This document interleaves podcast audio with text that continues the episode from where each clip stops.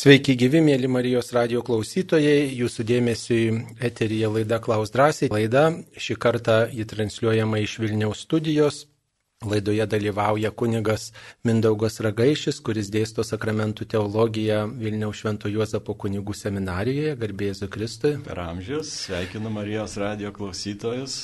Taigi, iš sakramentų srities, iš sakramentų teologijos, tai pasinaudokite šitą unikalią proga, kai kunigas specializuojasi toj srity, baigęs mokslus, sukaupęs daug įvairios informacijos apie sakramentus ir jų istoriją, tai tikrai gali atsakyti labai išmintingai.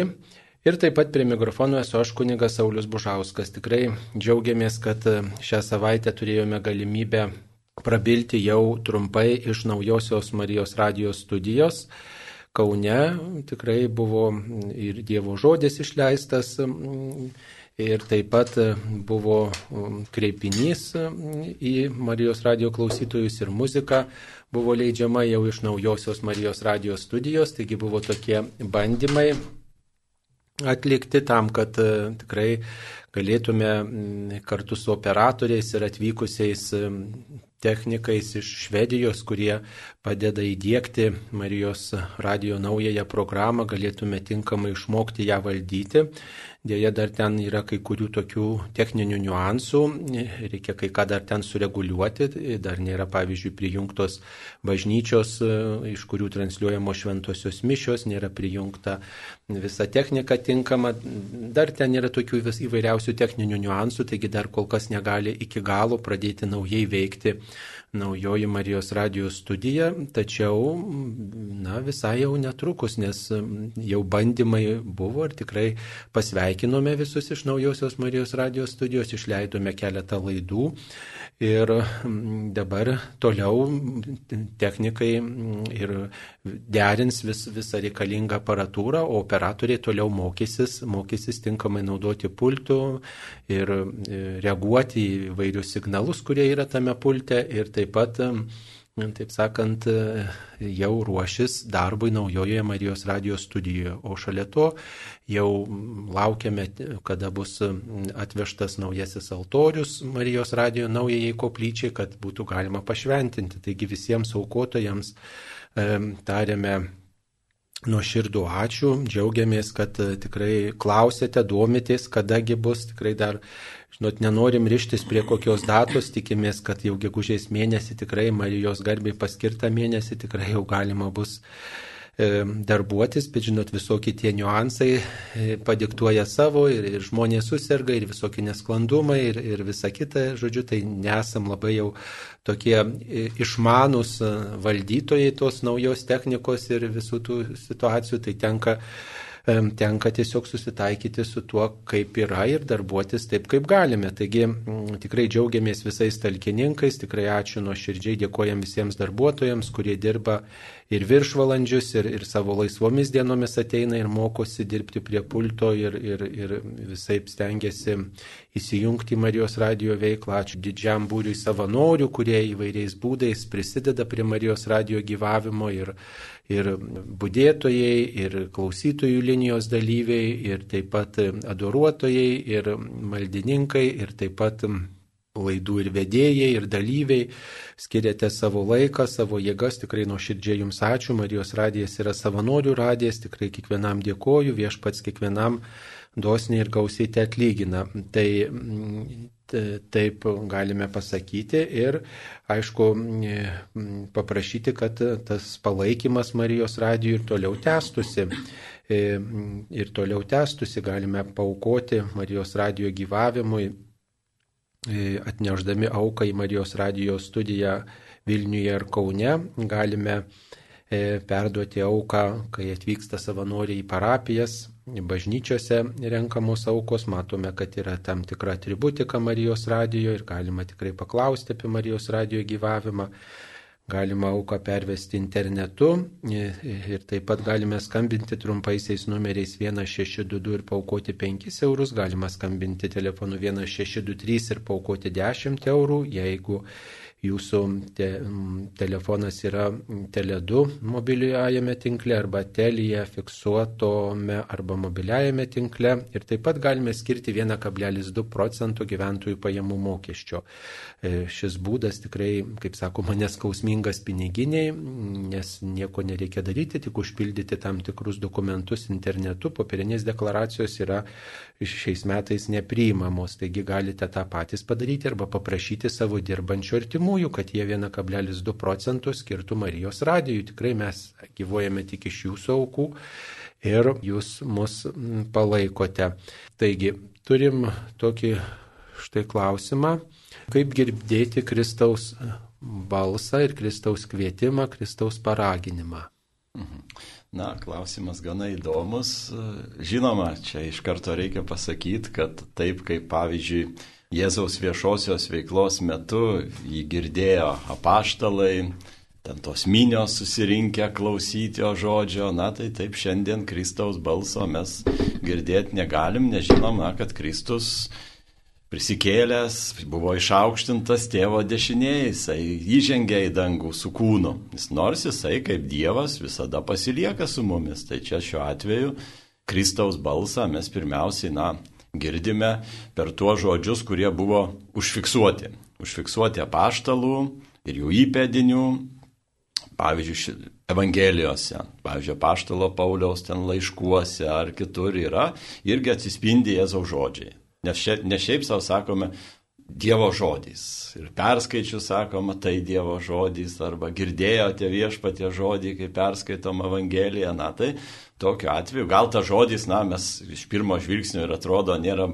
taikomas mum asmeniškai, pritaikytas mum asmeniškai, bet jį reikia įsimastyti, reikia skaityti pamaldžiai, ne kaip istorinę kokią knygą, vien tik tai, kaip arba kažkokį romaną bet skaityti kaip Dievo žodį man. Ir tada vat, maldos metu mums Kristus prabyla. Ir taip pat maldos metu ir neskaitant švento rašto, melžiantis e, įvairias maldas ar ten savai žodžiais melžiantis, irgi kartais Kristus prabyla į mus, na, tokiais galbūt ne, ne visai tokiais žodžiais, kaip mes girdim vieni iš kitų, bet jisai, na, daugiau taip intuityviai pajaučiam, kad va Dievas kažką man sako kažką tai perduoda per tą maldą. Tai čia šiuo atveju sakyčiau, kad, na, jau mes, kaip sakant, turim pakankamai būdų išgirs, na, tai skaityti šventą raštą, melstis ir tada tikrai, va, ar kartais kalba Dievas mum ir per įvairius gyvenimo įvykius. Taip pat būna, sakykime, kad ir kokie džiaugsmingi įvykiai kartais padeda patirti Dievo artumą, kartais ir nelaimės, kaip, pavyzdžiui, išrinktoji tauta ypatingų būdų Dievo artumą pajutė tremty naujai permastė savo visą tikėjimo tą paveldą, būdama tremtyta. Irgi Dievas kalba įvairiais būdais. Tai čia svarbu tik tai, kaip sako, kad mūsų ausys būtų neužkištos, atviros, tai tikrai mes jį galime išgirsti ir šiandien. Taip ir sąžinė yra taip pat tas, tas būdas Dievui prabilti. Taip, Sakoma, taip. sąžinės reikia klausytis labiau negu popiežiaus. Taip, dabar dar viena žinutė. Santokos sakramentas buvo suteiktas, bet sutuoktinis nebuvo prieėmęs sutvirtinimo sakramentų. Dabar jis yra garbaus amžiaus senjoras. Ar galima ir būtina senam žmogui priimti sutvirtinimo sakramentą?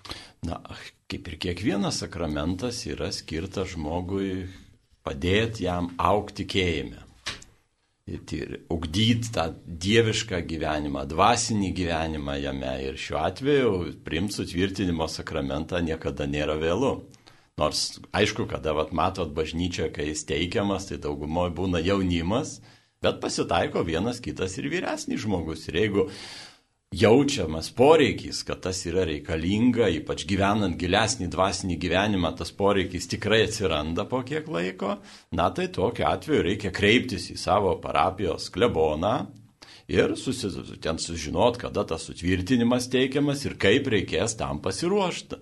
Čia nėra kažkas tai sudėtingo ar neįmanomo, bet tai tikrai, sakykime, kaip ir visi sakramentai, na, yra kaip Dievo veikimo, tokie kaip ženklai mūsų gyvenime, per juos Dievas veikia ir, na, ta Dievo palaima, Dievo veikimas, jisai bet kokiu atveju reikalingas ir ne šiaip savo dabar va paskutiniu metu ypač akcentuojama, kad sutoktiniai, na, kad, kad ruošianti santoką jau, jau, jau sužadėtiniai būtų prieėmę sutvirtinimo sakramentą. Na, kad tas, ta malonė, kurią teikia sakramentas, bus reikalinga ir jų tolimesniam gyvenimui. Tai bažnyčia ne šiaip savo tą reikalauja.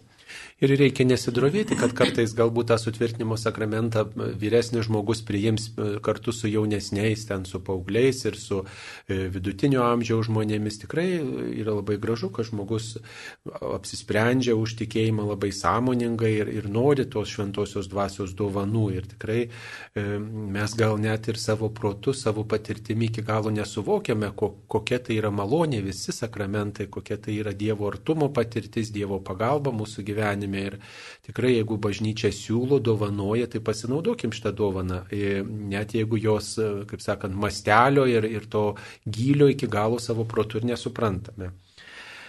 Taip, nuo pirmadienio daugelį uždarų erdvių neprivaloma naudoti apsauginių kaukių, bet jos rekomenduojamas. E, taip pat neišnyko gripas ir lygos. Dabar bažnyčioje mišių metu buvimas su kaukė ar nėra nuodėmė? Ne, tai aišku, kad nėra nuodėmė. Tik tai ta kaukė turėtų būti keičiama, mes kartais naudojam tą pačią daugybę kartų, bet e, reikėtų turbūt tą kaukę keisti, jeigu jums taip saugiau, tikrai, kur žmonių susibūrimas, ne tik bažnyčioje, bet ir, ir parduotuvė, ir kažkur kitur galima ir užsidėti tą kaukę. Kai pradėjom tas kaukės nešioti, visi prisiminėm, kad žmonės, pavyzdžiui, Japonijoje E, kituose kraštuose, didmieščiuose tikrai tas kaukės nešiodavo dar tikrai nei tam virusui nesiaučiant, nes tokiu būdu nuo užterštumo saugodavosi ir panašiai. Tai tikrai kažkokią dalį e, tų, e, taip sakant, mums kenksmingų, kenksmingų padarų ir, ir visokio užterštumo ir nešvarumų ta kaukė sulaiko, tik tai ji turi būti keičiama. Taip, na, čia tokia vis pasikartojanti žinutė, kaip melstis, kad baigtųsi karas. Karštai, nuoširdžiai.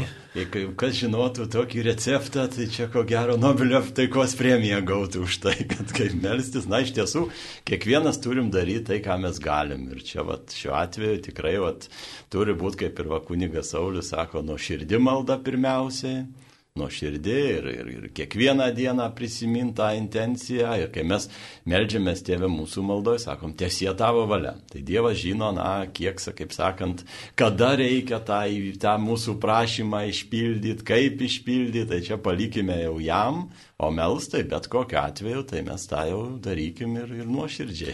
Na, viskupai ragina rožinio malda kreiptis į viešpatį kartu su mergelė Marija per mergelės Marijos užtarimą, tai tą tikrai panaudok, panau, pasinaudokime šiuo patarimu ir prisiminkime, kad rožinio malda tikrai istorijoje buvo galingų įrankių prieš blogį. Mums paskambino Paskambino Aldona iš Skapiškio, tai gerbiama Aldona, užduokite savo klausimą, jūs eterija. Garbė Jėzui Kristui. Per amžius amen. Tai skambiname iš Skapiškio kartu su parapijietėm Marijos radio klausytojom, sveikinam su artėjančia pačia gražiausia Kristaus prisikėlimo švente ir linkim Dievo palaimos ir švenčiausios mergelės Marijos globos visiems, visiems darbuotojams. Džiaugiamės, kad Marijos radijas Skapiškėnai, jas remia Marijos radija materialiai, ypač tremtinės. Leknickienė ir Elena Stokienė ir Elenutė nebemato jau visiškai ir Marijos radijas, kaip sako, dabar jau tapo jai akių šviesa. O klausimas tai būtų toks. Išklausius Evangeliją, girdime jos komentarą. Vieni laidų vedėjai sako, kad homilyje, kiti kad pamokslas, kiti kad komentarai, kuo iš, iš esmės skiriasi homilija nuo pamokslo. Ir dabar toks pastebėjimas būtų, bažnyčiose šventose mišiose po pamokslo tik kai kurie kunigai atsisėda ir porą trejata minučių leidžia tikintiesiems įsigilinti į kunigo pasakytas mintis, o tada jau melžiamasi. Ir ar nebūtų galima įvesti tokios tvarkos, suteikti laiko savarankiškai apmąstyti, mąstymui savarankiškam ir įsigilinimui. Ir dar vienas toks paprašymas. Kunigas daktaras Mindaugas Ragaišis, kai jis dirbo Vilniaus Švento Mikalojaus bažnyčioje, sakė labai išsamius, įdomius ir svarbius pamokslus. Parapiečiai ir dabar apie juos kalba, prisimena ir prisimena kartu ir kuniga ir džiaugiasi jo buvimu tada Mikalojaus bažnyčioje. Ar negalėtų gerbiamas kunigas daktaras Mindaugas Ragaišis sakyti homilijų Marijos radijoje dažniau? Žinome, kad kalba mažojoje studijoje, bet Marijos radijas nedidelių miestelių, va tokių kaip skapiškis tikintiesiems, yra labiau įprastas. Taigi labai ačiū, dar kartą nuo širdžiai sveikiname, džiaugiamės uh, nauja Marijos radijo uh, nauja studija, baigiama jau įrengti, labai labai džiaugiamės ir kiek pajėgėme remiame ją. Ačiū Jums labai. Ačiū. Na, Taip, tikrai dėkoju už gražius žodžius. Šiaip, na, homilijas, kai pavyksta kartais, būna pavyksta geriau, kartais prašiau, čia įvairiai. O šiaip, mažoji studija kartas nuo karto pakviečia, bet paskutiniu metu tikrai to laiko nėra daug, tai, na, kažko tai imtis daug, daugiau aš jau sunkiai pajėgiu. Na, bet grįžtant prie užduoto klausimo, tai, na, yra iš tiesų, vat, pamokslų tam tikri žanarai ir yra homilija, na tai vadinasi, yra daugiau pririšta prie teksto. Yra, yra komentuojamas, tiesiog vat, išeinant iš to vat, pačio teksto, jeigu ta klasikinė homilija, tai yra būtent apsistojama to teksto, švento rašto teksto rėmose. Ir ten eilutė po eilutės jisai yra aiškinamas, ten atrandamos vidinės sąsajos ir taip toliau. Aišku, gali homilija būti, būti jos išeities taškas ir kokie nors šventą raštą pranokstantis dalykai, kaip pavyzdžiui, kokios nors tenai filosofinės tiesos, istoriniai įvykiai, tų įvykių paaiškinimai ir taip toliau. Ir jeigu tai yra siejama su to, vat, tos dienos evangelija, na tai paprastai būna homilija yra homilija, nes yra švento rašto toks aiškinimas. Beje, čia yra seniausias žanaras jau. Mes, sakykime, jį pirmieji krikščionys pra praktikavo gana, gan, gan, gana plačiai ir jis atėjęs yra iš žydų sinagogų, nes sinagogose būdavo Dievo žodžio pamaldos ir kaip mes vat, prisiminkime Jėzaus tą istoriją, kada jisai lankosi e, Nazareto sinagogoje irgi ten va, paduoda jam švento rašto skaitinį, jis perskaito ir jį komentuoja. Tai irgi galima sakyti, sakė homilija. Tai čia va yra homilija. Yra ir kiti žanarai, pavyzdžiui, yra tokie teminiai pamokslai. Kada, pavyzdžiui, kokius nors šventė, ar ten vasario 16, ar kažkas yra, kalbama, aišku, tikėjimo šviesoje apie tą įvykį. Arba būna, pavyzdžiui, proginiai pamokslai kada ten vat krikštas, e, ten sutvirtinimas ar laidotuvės, tai irgi tada va daugiau siejama su, e, tais, su tuo įvykiu ir tas įvykis yra paaiškinamas, galbūt įtraukiant ir žmonių tuo metu išgyvenamas patirtis, ką va jie jaučia, kaip jie va tą įvykį išgyvena ir padedama tai Dievo žodžio tikėjimo šviesoje suprasti ir interpretuoti. Tai va tai yra, net yra įvairių ten ir, pavyzdžiui, katechetiniai yra pamokslai, kada va tam tikros tikėjimo tiesos pamokslė yra viena ar kita tikėjimo tiesa aiškinama, komentuojama.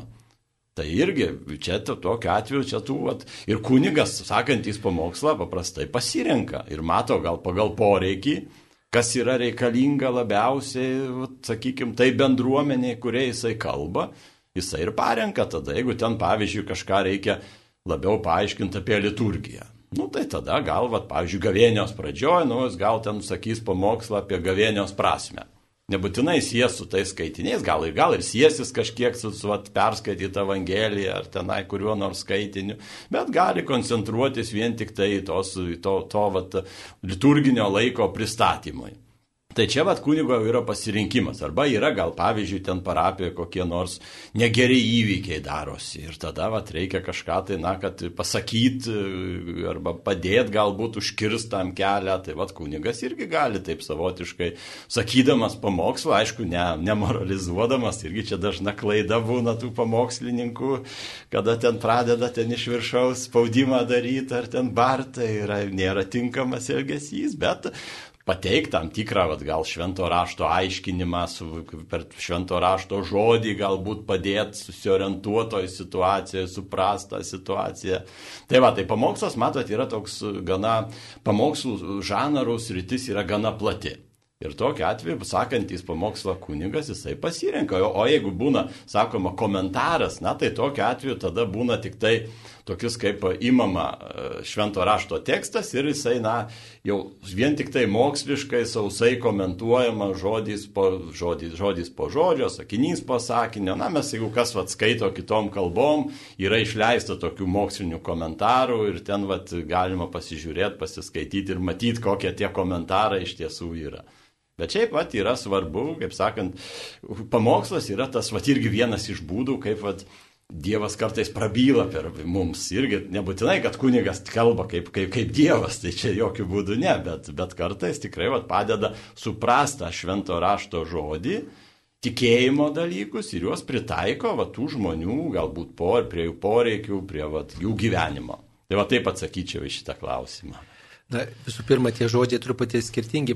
Homilija tai čia graikiškas žodis, kuris jo, reiškia jo, draugišką jo. tokį pasikalbėjimą, bet ne visi tie žmonės, ypač paprasti ir seniau tą žodį suprasdavo, tai tiesiog lietuviškai išvertė pamokslas, ką suprantam kaip pamokinimą. Ir anksčiau gal žmonės, žinot, kad ten paaiškint švento rašto kažkokias tiesas ar ką žmonėms tas gal atrodys labai mm, tolima, tai tiesiog pamoko, kaip gyventi, kaip laikytis Kristaus įstatymo, kaip laikytis Kristaus žodžio, tiesiog pamokindavo kunigai ir čia tas pamokslas yra senas, senas tas paaiškinimas ir pamokinimas. Ir taip ir liko, o dabar jau tarsi ir įsigali labiau tas e, homilijos žodis ir, ir tas pastanga grįžti labiau prie švento rašto, nes niekas nenori būti labai jau mokomas. Taip, kaip paaiškinti vaikams, kas yra sakramentai, kaip juos suaktualinti, kad neskambėtų kaip neaiškus apibrėžimas, regimoji malonė, dažnam suaugusiui skamba nesuprantama ir todėl neaktualiai. Nu, gal, nu, čia jau būtų labai platus klausimas, čia jau ko gero reikėtų ten... Katechezės. Katechezės jau. Nu, va, tai čia jums, jums kaip sakant, jau... galimybė, va, tema katechezė. tai, tai čia jeigu taip labai trumpai atsakyti, na, čia kaip vaikam, tai čia gal reikėtų religijos pedagogikos daugiau specialisto klaus, bet šiaip, kas tas yra sakramentas, na, kad regima malonė gal irgi ne visai yra tikslus pasakymas, regima malonės mes irgi nematom, na, kaip veikia mumise, dažniausiai neregimų būdų jinai veikia. Bet iš esmės sakramentas yra regimas ženklas pirmiausiai.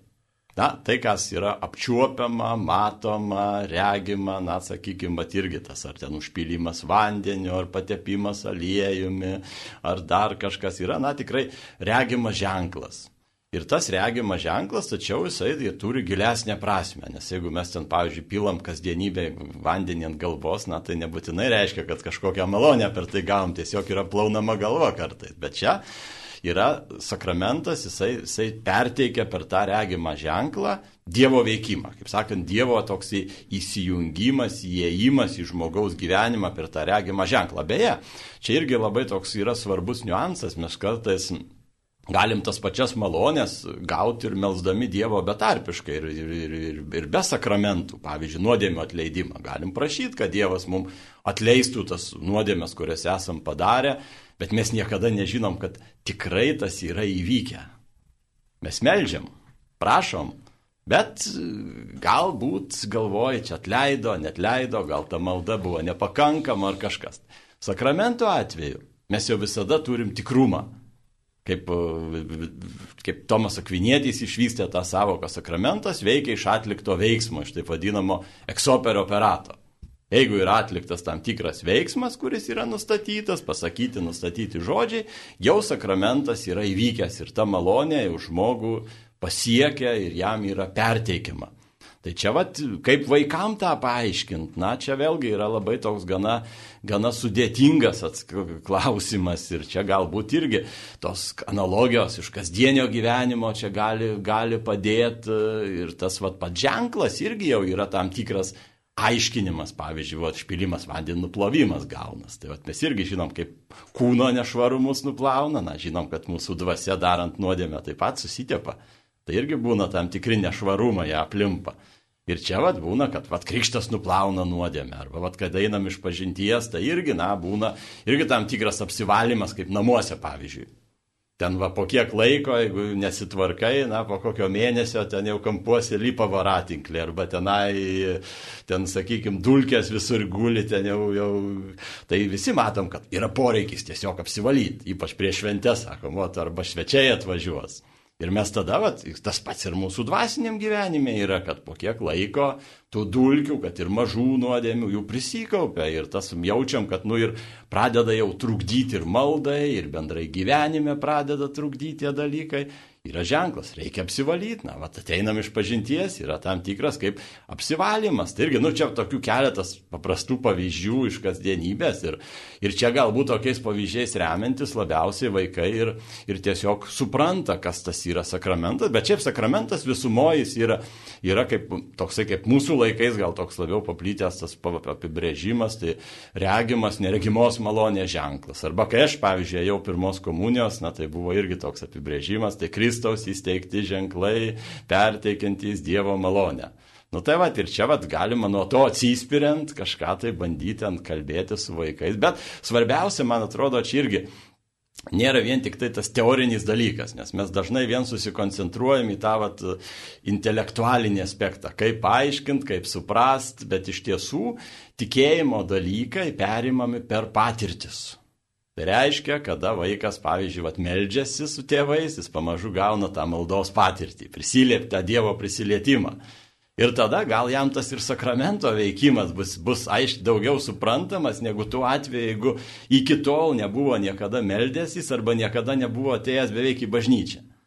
Tai tada žinoma, tai tas paruošimas, tas teorinių žinių perteikimas į stebuklą nepadarys. Čia reikalingas tam, tik, reikalingi tam tikri žingsniai, kurie jau iki tol daromi. Ir čia vat, tos vat kasdienės patirtys, tikėjimo patirtys, kurios vaikas turi melsdamas su tėvais, beje, tėvai, šeima yra pirmoji bažnyčia, kur vaikas yra apie Dievą pirmą kartą išgirsta, pirmas maldas sukalba. Jeigu ten va šeimoje visa tai vyksta, tai manau, gal tada ir tas sakramentų suvokimas vaikui, na, bus žymiai lengvesnis ir, ir, ir daug paprastesnis. Toks būtų mano atsakymas.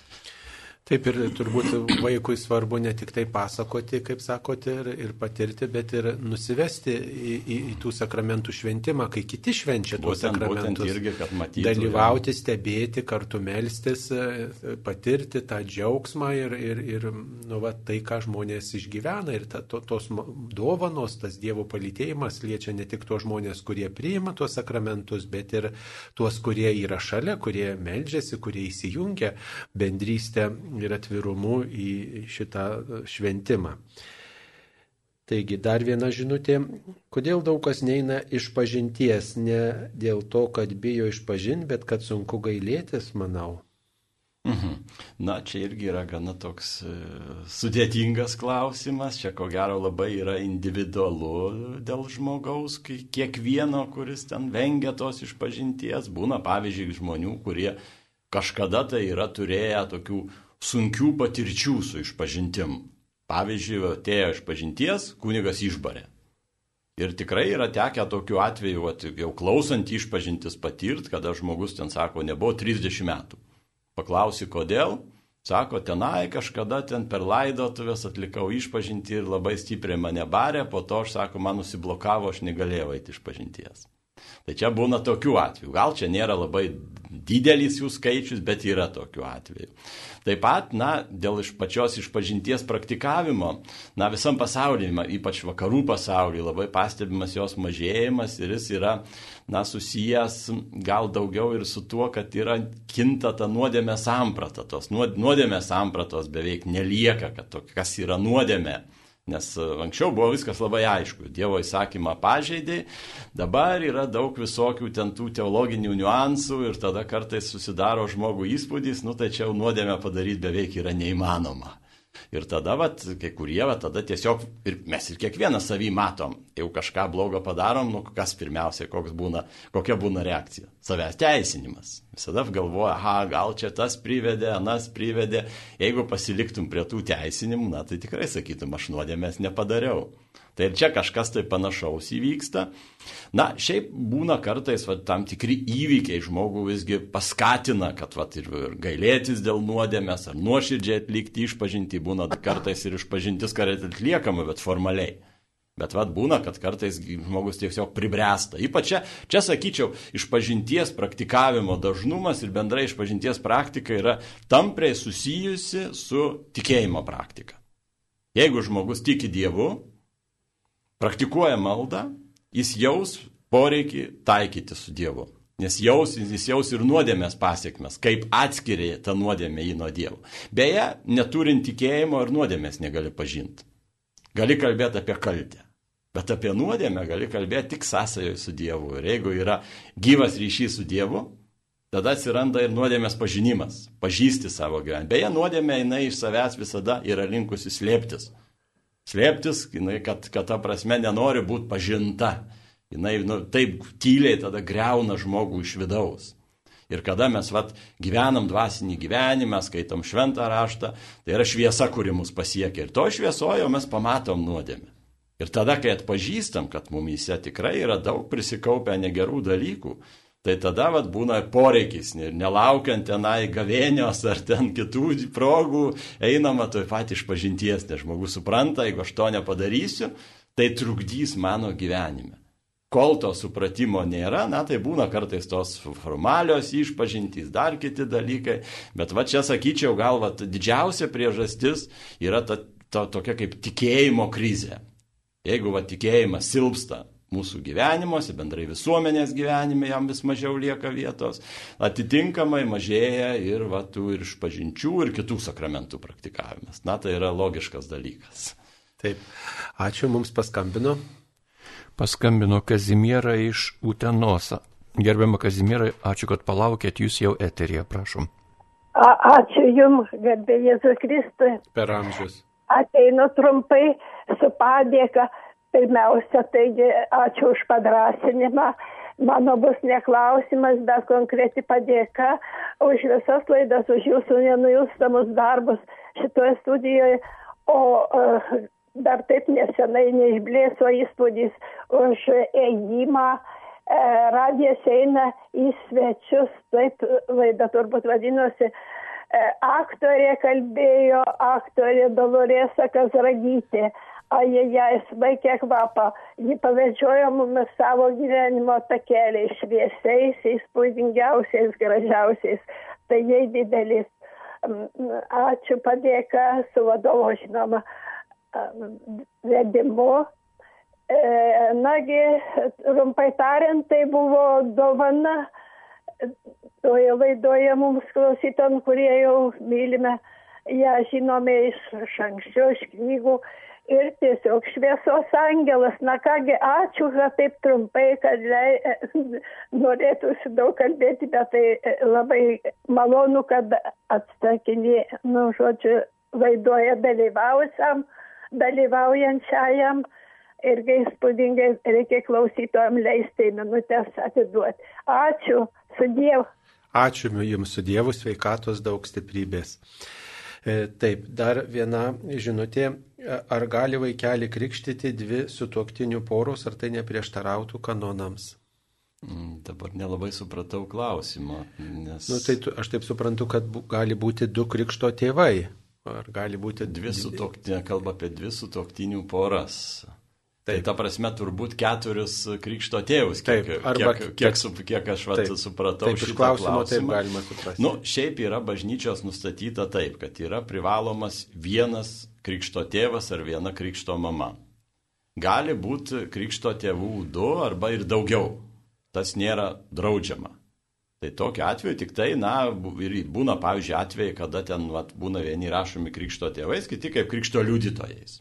Gali būti ir toks variantas, ypač jeigu ten, pavyzdžiui, kas nors iš tų atkrikšto tėvų, kurie buvo pramatyti, yra ten, pavyzdžiui, priklausantis ne katalikų bažnyčiai. Nu, privaloma, kad vienas būtų pri, priklausantis, priklausantis katalikų bažnyčiai ir praktikuojantis tikėjimą. Kiti, jeigu tenai jie vat, ir kažkiek ir būtų kitos netgi konfesijos, aišku, krikščioniškos konfesijos, musulmonas negali būti krikšto tėvu, tai čia irgi dėl savaime suprantamų priežasčių. tai, tai va, tai čia ta, tokiu atveju tada gali rašyti kaip, kaip, kaip krikšto liudytojus. Ir, ir, ir, bet, šiuo, bet šiuo atveju tikrai tas skaičius, na, jisai paprastai nusistovėję yra du. Ir dar vėlgi čia klausimas dėl pačio krikšto tėvų paskirimo, kokia yra to prasmė.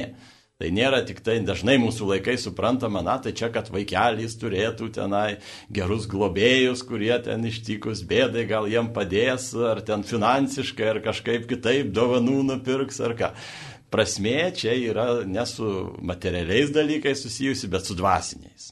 Tai reiškia, pirmiausiai tam vaikui paskiriami tam tikri globėjai, kurie turi padėti jam ugdyti tikėjimą kaip sakant, gyventi tikėjimu, nes jisai pakrikštėjimas ir jam bet vėliau augant tikėjimas turėtų būti perduotas. Ir jeigu kartais tėvai tos pareigos nedaro, tai krikšto tėvai tą turėtų daryti. Ir čia tada atitinkamai reikia ir parinkti tokius krikšto tėvus, kurie sugebės tą daryti. Ne, kad jie tenai gražiai atrodo arba žinomi žmonės ir tenai gražiai įspūdingai atrodys nuotraukose. Bet krikšto tėvai yra reikalingi tam, kad jie vat, ugdytų tą vaiką, ugdytų jį tikėjime. Tai, va, tai čia gal apie tai reikėtų pagalvoti, ne skaičių žiūrėti, bet žiūrėti, ar tie žmonės tikrai sugebės tą padaryti, ar jie bus tikrai tai žmonėm. Taip, ačiū. Mums paskambino. Paskambino Vida iš Ukmergės. Prašom, gerbiamą Vida, užduokite klausimą. Labą dieną, labai graži saulėta diena, sveikinu su gražia diena, gerbiamas. Ačiū, kunigus. ačiū, ačiū, ačiū labai, ačiū.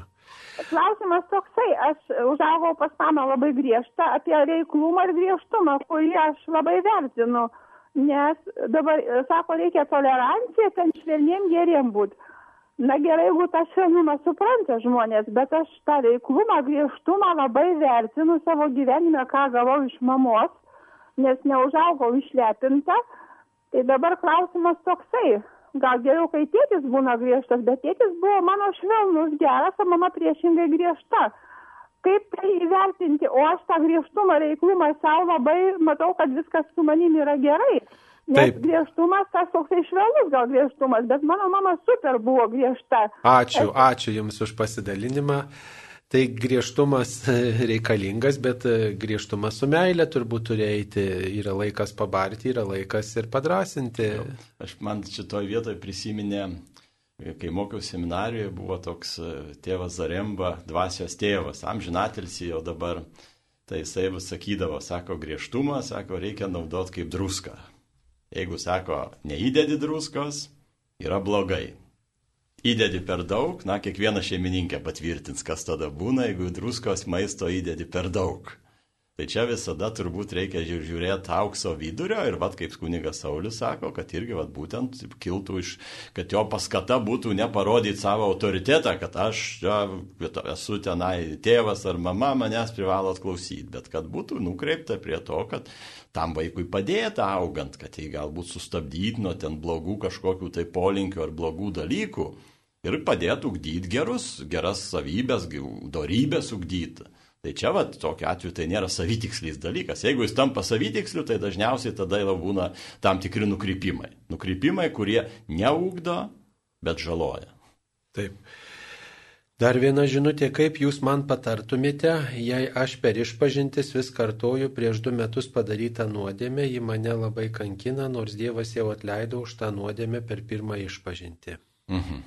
Na, paprastai iš tiesų teisingai pastebėjot, kad mes kiekvieną kartą, kada atliekam išpažinti, mums ta nuodėmė tikrai būna atleista. Dievas išgydo mūsų praeitį ir tos nuodėmės jau nelieka. Aišku, kad ir atlikus išpažinti, nors pačios nuodėmės ir nėra, bet lieka polinkis į ją. Yra tam tikras, nu, mes visi turim nuodėmės užėstą prigimti, gimtoji nuodėmė. Ir yra tas vat, būsena nus, žmog, kūrinio nusigręžusio nuo Dievo, mes, kurioje mes gimstame. Ir ta gimtoji nuodėmė nors krikšto atleidžiama, bet jos pasiekmes jos lieka. Ir tada va, tas būna polinkis į blogį, įvairios pagundos, beje, va, ir Jėzus net buvo gundytas. Mes va, skaitom pirmąjį gavėnio sekmadienį apie jo gundimus.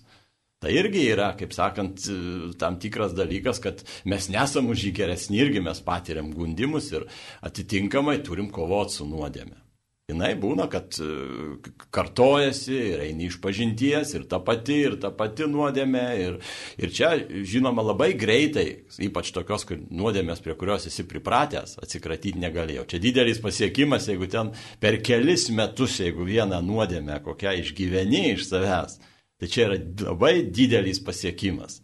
Tai čia tikrai nenusiminkite, jeigu ir nepavyksta, Jėzus tam ir įsteigė atgailos sakramentą, kad mes galėtume vėl ir vėl pradėti iš naujo ir kovoti, stengtis. Taip, bet čia dar klausytojas gal turi truputį kitą aspektą, kad nors ta nuodėmė atleista ir aš jos galbūt ir nekartoju, bet ji man vis iškyla, a, mane graužia, a, nu, sugrįžta tas skrupulingumas. Tai, tai, čia, tai čia jo, tai čia tada truputį kitas aspektas yra, aš ne visai klausimą su, supratau.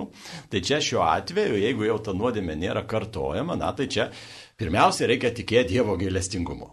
Na, Dievas, jeigu sako, tavo nuodėmės tavo atleistos, nu tai jisai nemeluoja. Žmonės būna pameluoja kartais. Sako vieną, galvoja turi kitą. Su Dievu taip nėra. Dievas visada, jeigu jisai pasakė, kad atleido, tai tada ir ta, tos jau nuodėmės nėra. Aišku, gali grįžti tam tikri, nu, jausminiai tam tikri išgyvenimai, kurie va, susiję su ta nuodėme. Na, tiesiog nereikia juos kreipdėmesio, nesiko, nesusikoncentruoti juos. Atleidimas, kad mes gaunam atleidimą, tai nėra jausmas. Kartais būna palengvėję po išpažinties, o kartais būna, kad tas jausmas ir neteina tokio palengvėjimo. Bet vis tiek, ta prasme, mes turim tikėti, kad Dievas nemeluoja. Kad Dievas tikrai, jeigu sako nuodėmė atleista, jis atleidžia. Ir va tas tikėjimas, čia man atrodo, ir yra tas geriausias priešnodys prieš tokius vat, įvairius ten likusius skrupulus ar tenai pamastymus, gal čia dar kažkas nepilnai atleista, gal dar reikia kažką tai papildyti, dar ten kažką gal nepilnai išpažinau ir reikia dar kažką kartoti. Čia tokie dalykai rodo nepasitikėjimą Dievu. Čia vienas aiškus dalykas. Taip, tai tu man atleidai viešpatė, ačiū ir tada tą puslapį užverčiu, padėk toliau vengti to dalyko. Dar čia prie krikšto žmonės nori pasiteirauti apie krikštą, klausia, ar pravoslavas gali būti krikšto tėvu. Man atrodo, kad ne, o kunigas sakė nieko tokio. Jo, iš tiesų, va, aš jau ir šitą klausimą jau prieš tai kalbėjau, apie šitą klausimą kalbėjau, nu, bent jau susijęs dalykas buvo, kad, na, krikšto tėvų, na, paprastai, na, vienas iš krikšto tėvų, turi būti katalikas. Jeigu yra du krikšto tėvai, vienas iš jų yra katalikas, praktikuojantis katalikas, kitas gali būti ir pravoslavas. Čia yra tas to tokia galimybė. Ir, ir, ir paprastai tada įrašomas kaip krikšto liudininkas. Bet jis irgi, aišku, kaip krikščionis gali, krikščioniškos bažnyčios atstovas irgi gali prisidėti prie to vaikelio religinio auklėjimo Aišku, irgi visada yra tam tikras pavojus, kad gali vėlgi įneš kažkiek ir sumaišties. Sakykime, tenai yra katalikiškojo mokymo, kai kurie dalykai skiriasi nuo pravoslaviško mokymo. Ir tada, arba stočiatikių bažnyčios mokymo. Ir tada, na, žinoma, gali būti tam tikra vat kolizija, kaip sakant, susidūrimas ir tada vaikas bus pasimetęs. Bet šiaip tokios kaip grinai teisinės, tokios bažnyčios teisės kliūties, kad e, nebūtų to krikšto liudytojų, tai nėra. Gali būti antru, bet jeigu, ir, jeigu abu du būtų stačiatikiai, tada taip jau būtų neįmanoma. Tai žodžiu, turi būti vienas katalikas, taip, o kitas taip, gali būti taip. ir, ir stačiatikis, ir, ir, ir, ir, žodžiu, svarbu, kad kitas būtų krikščionis. Krikščionis, taip, būtent. Taip, dabar dar viena žinutė apie ligonių sakramentą.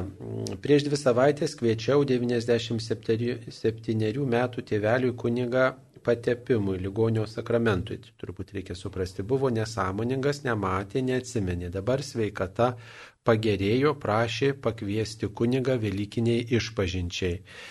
Nežinau, ar sugebės ją atlikti, ar tai nebus kunigo trukdymas. Nu jo, šiaip, jeigu jisai ten buvo be sąmonės tuo metu, kada buvo teikiamas ligonių patepimas, be abejo, tas, tasai sakramentas jisai, na, buvo veiksmingas ir, ir, kaip sakant, galiojančiai suteiktas, viskas tvarko šitoje vietoje. Bet tik tai, na, žinoma, jeigu žmogus jaučia pa, tokį poreikį išpažinti nuodėmės, Nes galbūt, gal jis kažką tai, pavyzdžiui, kažkaip prisiminė, ko nėra išpažinęs kažkada praeitį. Mes nežinom. Galbūt, jeigu ten, sakykime, jo ten tos lengvos nuodėmės, nu tai ten būtų užtektų ir to, to ligonių patepimo. Bet ką žino? Gal ten jis kažką tai tikrai jaučia savy, kas jam reikia dar išpažinti. Tai šiuo atveju, sakyčiau, gal nebūtinai va dabar va per didžiąją savaitę pakvies, kada kunigai tikrai yra užimti. Bet pakviest, pavyzdžiui, ten va jau po Velykų, kada bus laisviau, na, aš tame matyčiau prasmės. Ir čia ko gero nebus kunigo trūkdymas, kunigo tarnystė ir yra padėti tarnauti. Ne dėl savęs tampi kūnigu, kad savo kažką tai gautum, bet dėl kitų. Ir čia šiuo atveju yra tikrai realus poreikis, kada va, žmogui reikia pagalbos. Ir turbūt ir tėvelių tą dera paaiškinti, kad Velykinė išpažinti galima atlikti Taip, iki petrinių, iki, iki tiesiog visas net Velykų laikotarpis tam skirtas bus. Tai tikrai tėvelį atliksim būtinai, bet e, tiesiog dabar va, jau čia neseniai buvai, gerai, pasiruoškiau kuniga, kunigui pranešim viską ir tikrai artimiausių metų tą padarysime. Mums paskambino paskambino? Mums paskambino Teklė iš Kauno, taigi gerbiama Teklė, užduokite savo klausimą. Garbė Jėzui Kristui. Per amžius. E, du klausimai. Pirmas, e, beveik kasdien klaus, per e, Marijos radiją klausau šventų mišių. Dažniausiai tai būna fonas, bet stengiuosi bent per konsekraciją gražiai e, atsistoti ir, ir, e, ir, ir pasimelsti. Ir e, konsekracijos žodžiai būna dviejopi.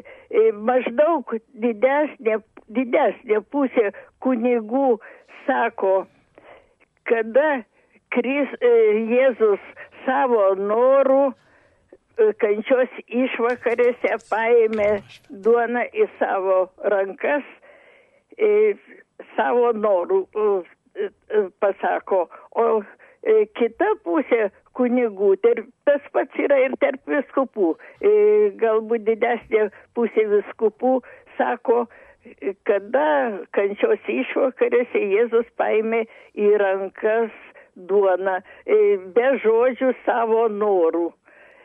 E, tai koks jūsų klausimas būtų? Savo, e, kodėl e, ta, reiškia, ta frazė yra nevienoda. Vieni sako savo norų, o kiti nieko nesako. O jeigu savo norų, ką tai reiškia, paskui alyvų sode Kristaus malda, tėve atitolink šitą taurę, jei gali nuo manęs jeigu jisai savo norų, kodėl jis prašo tada atito, at, atitolinti taurę. Kaip e, čia visa, visa šitą, ar čia vertimo yra kalba. Taip, supratome, supratome. Ačiū Jums. Jo, pirmiausia, na tikrai va, džiugu, kad jūs įdėmiai klausot, kada va, vyk jau transliuojamos šventos mišios ir pastebėt tuos niuansus, nes čia paprastai tie va, skirtingi žodžiai yra susiję, kad yra skirtingos eucharistinės maldos. Jų yra šiaip pagrindinės tokios trys ir dar yra dvi vadinamos sutaikinimo, kurios dažniau įmamos gavėnios metu.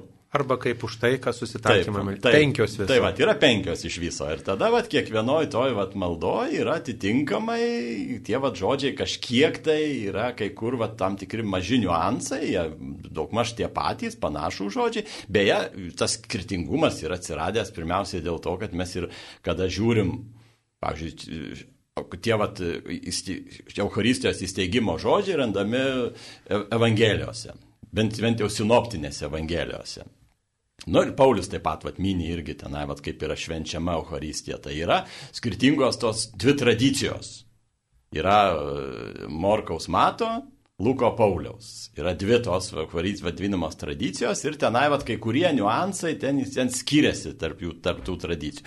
Aišku, Tai čia nėra taip, kad tenai samoningai ten praleidžiamas vienas ar kitas dalykas, norint pabrėžti ten kažkokį tai visai kitą dalyką. Na iš tiesų, galbūt ten vienoje vietoje buvo užakcentuota vien, vienas niuansas, kitoje vietoje kitas. Dabar kalbant dėl to savo norų, na iš tiesų, na, kad įvyktų, mes žinom, kad šventos mišios yra auka. Kristus vyriausiasis kunigas, na, laiškas žydams labai aiškiai apie tai kalba, kad jisai vat skirtingai nuo ten seno testamento kunigų, kurie ten kasdien aukoja aukas, jis vieną kartą ėjęs į šventyklą, mes savo kūno tą švent, šventyklą, paukojo save. Tai čia vat yra ta vienintelė auka, kurią jisai atliko ir aišku, jeigu būtų priverstas tą daryti, tai nebūtų auka. Jis būtų paaukotas nepasiaukoja. Mes dabar žinom, kad Jėzus mus atpirko pasiaukodamas, mirdamas ant kryžiaus ir, vat, pavyzdžiui, ir rydienos evangelijoje, kada vat, bus skaitoma, atkreipkite dėmesį, kada vat, yra, yra kalbama, kad Jėzus yra tas, kuris laisvai prisima, jisai sustabdo ten Petrą, kad jis tenai ne, nesipriešintų jo suėmimui, jisai žino, kas vyks, po, jau kas jo laukia, ta prasme jisai kryptingai link to eina žinodamas ir jisai laisvai tą prisima. Prisima tą kančią, prisima auką, kurią jisai atiduoda, prasme, laisvai aukoja tą savęs auką už mūsų nuodėmės. Dabar malda alyvų sodė Čia irgi savo laiku tikrai, vat, čia antikiniais laikais gana daug buvo apie tai svarstyta ir ginčytasi šitoj vietoje. Ir čia reikėtų gal žiūrėti pirmiausiai, kad Jėzus, kas yra Jėzus Kristus. Yra Dievas, bet taip pat ir tikras žmogus. Jis nėra dalinai Dievas, dalinai žmogus arba kažkoks tai kaip hybridas, kaip tenai pusdievis, kaip pavyzdžiui Heraklis buvo. Jis tokis nėra.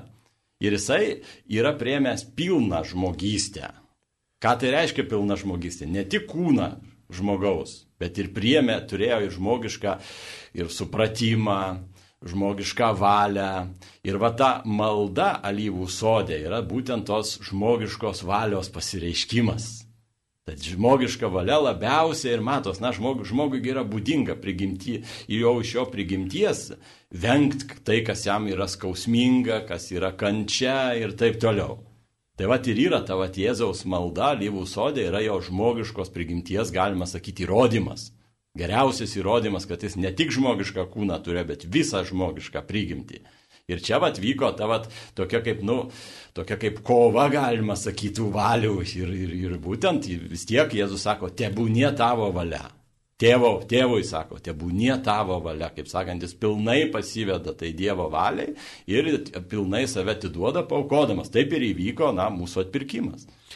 Taip, dar norėjau dėl tų konsekracijos žodžių truputį irgi pasakyti, kad tie žodžiai imkite ir valgykite, tai mano kūnas, imkite ir gerkite, tai yra mano kraujas, visose mišiuose yra tie patys. Nesvarbu, Taip, koks mišių, mišių tekstas imamas, nesvarbu, kokia proga mišios aukojamos, vyskupas ar kunigas ar popiežius aukoja tas e, e mišes, tie esminiai žodžiai, kurie sakomi Kristaus vardu, imkite ir valgykite, tie e, žodžiai prieš pakilėjimą e, yra visuose mišiuose tie patys, o tie tekstai apie tuos žodžius, reiškia, skirtingai nuo eucharistinės maldos, jie gali skirtis. Ir kunigas laisvas yra pasirinkti, kurią eucharistinę maldą imti, bet, bet kurią imdamas jisai vis tiek tuos Kristaus esminius žodžius, jisai jų neiškraipo, jisai juos perskaito pažodžiui, kaip Kristus sakė.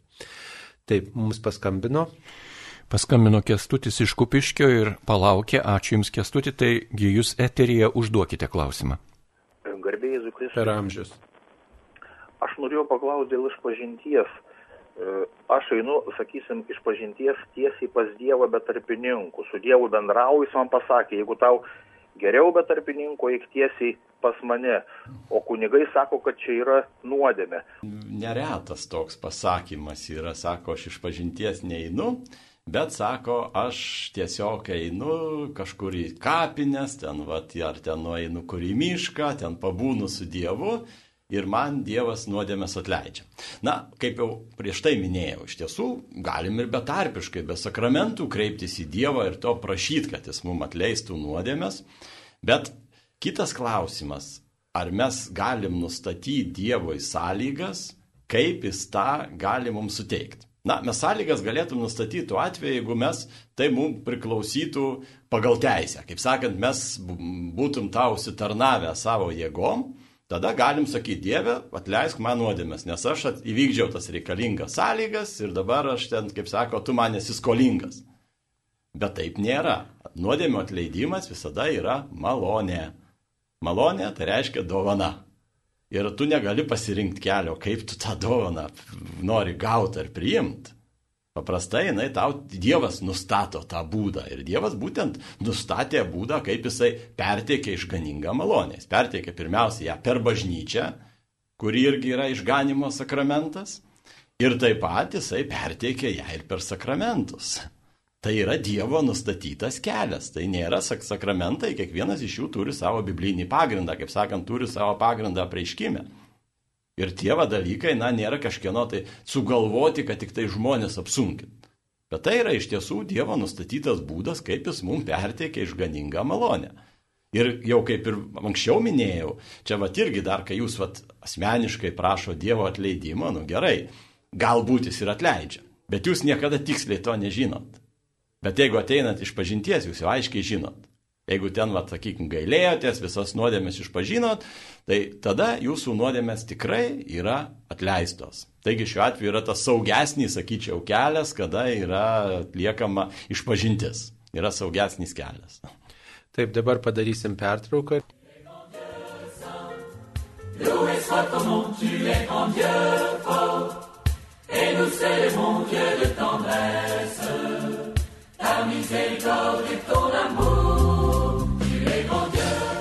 Pokalbių laida Klausk drąsiai.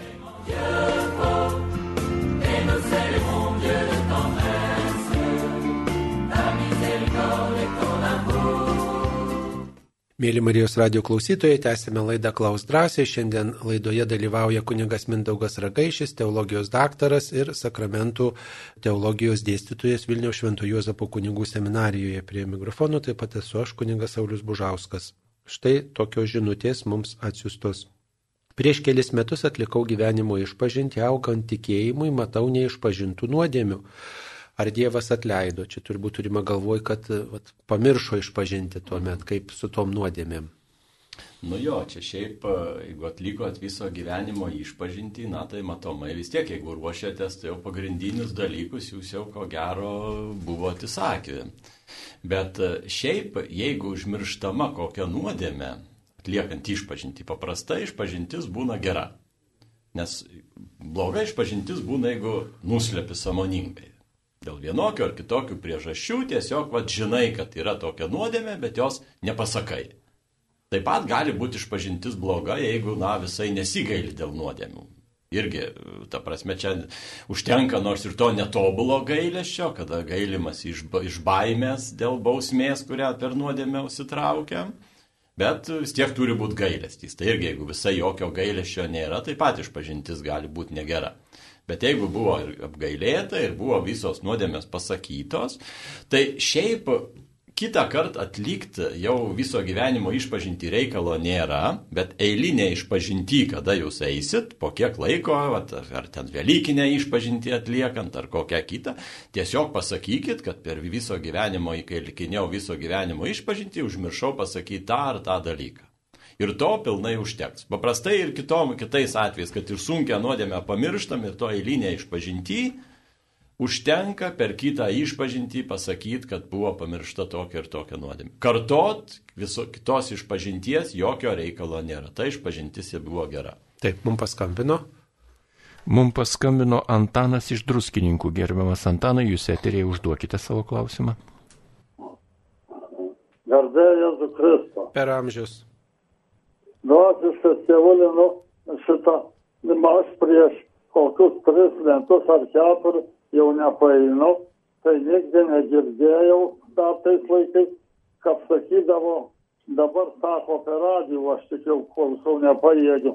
E, palaiminimas švenčiausiojų sakramentų, tai kas reikia man, kaip klausytojui, atsakyti žodžiais, kažkaip, ka, nu, ne, nu nežinau, aš tokių sakau, dar prieš kelis metus tai nėra, negirdėjau.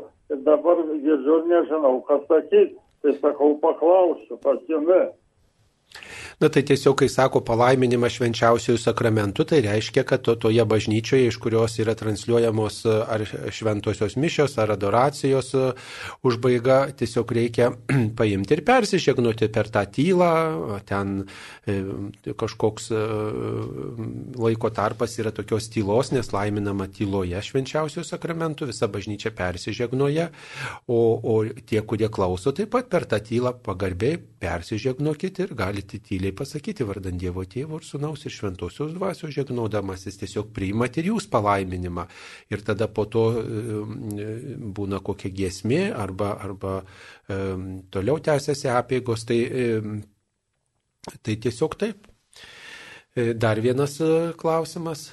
Mums skambina Gražina iš Kauno. Ačiū gerbiama Gražina, kad palaukite. Taigi dabar užduokite savo klausimą.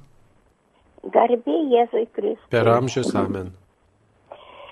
Ačiū labai už gražią laidą jums. Pirmiausia, noriu padėkoti kiekvieną sėkį klausausi. Ir noriu, noriu jūsų paklausti, gerbini kunigėliai mylimi. Sakykite, aš paminklą buvau pastačiusi, sunelis mano mirė. Pastačiau paminklą, pašventinau tą paminklą dabar kaip jau mano amžius yra jau didelis, 80, tai aš uždengiau kapelį marmoriniam plokštėm. Ar reikia tą kapelį dar kartą pašventinti? Taip, ačiū. Nu, šiaip, jeigu jau paminklas buvo šventintas, to pilnai užtenka kaip ir vat kryžių būna pašventinė ir jeigu tenai vat kažką tai kapą aptvarkiai ar ten gėlių padėjai, tai nereiškia, kad reikia naujai kažką daryti. Tai čia šiuo atveju, jeigu ten buvo uždengta tik tai tom plokštėm, tai čia pašventinimo kažkokio tai specialaus nėra ir jo nereikia. Svarbu, jeigu būtų paminklas pakeistas, tada būtų kas kita. Jeigu pats paminklas, naujai pastatytas. Bet jeigu paminklas yra, jis buvo šventintas, ten ant kapio po to šventinti nereikia. Taip. Vienas klausimas apie atgailos sakramentą. Ar atgailos sakramento dalis yra tik išpažintis, o kitos dalys kunigų yra neakcentuojamos, kaip atsilyginama tam, kurį nuskriaudėme? Aha. Jo iš tiesų nėra tik tai pats nuodėmių užpažinimas atgailos sakramento materiją ir tą jau tridento susirinkimas yra užfiksavęs, kad yra būtent yra šalia išpažinimo taip pat ir gailestys, pasiryžimas taisytis ir taip pat, na, jeigu iš to pasiryžimo taisytis išeinantis, aišku, yra ir tas ta pareiga atsilyginti, jeigu kažką esam nuskriaudę. Tai čia vat yra esminiai dalykai, tie vadinami atgailotojo aktai, jie kiekvienas yra svarbus kiekvienas yra svarbus. Gal čia kartais kunigai atsakydami pamokslus ar ten katechezės vesdami, kartais per daug susikoncentruoja tik tai ties vienu aspektu. Bet iš tiesų ir kiti va, dalykai yra nemažiau svarbus. Ir jau kaip minėjau, jeigu pavyzdžiui atliekat išpažinti be jokio gailesčio, na tai išpažintis bus tiesiog negaliojanti, neįvyks. Nes neįvyks ne dėl to, kad Dievas būtų piktas, blogas ir nenori atleisti nuodėmės, bet neįvyks dėl to, kad žmogus nepasiruošęs priimti atleidimo. Nes kaip atrodo, jeigu pavyzdžiui eini su kažkuo susitaikyt ir na, tiesiog e, ir iš savo laikysenos, iš savo žodžių, tu rodai, kad uh, tu visai nesigaili ir tu progai pasitaikius vėl kartosi tą patį. Na, tai žmogus, pas kurį tu atėjai, jisai, na, priims tai kaip įžeidimą, ne kaip atsiprašymą.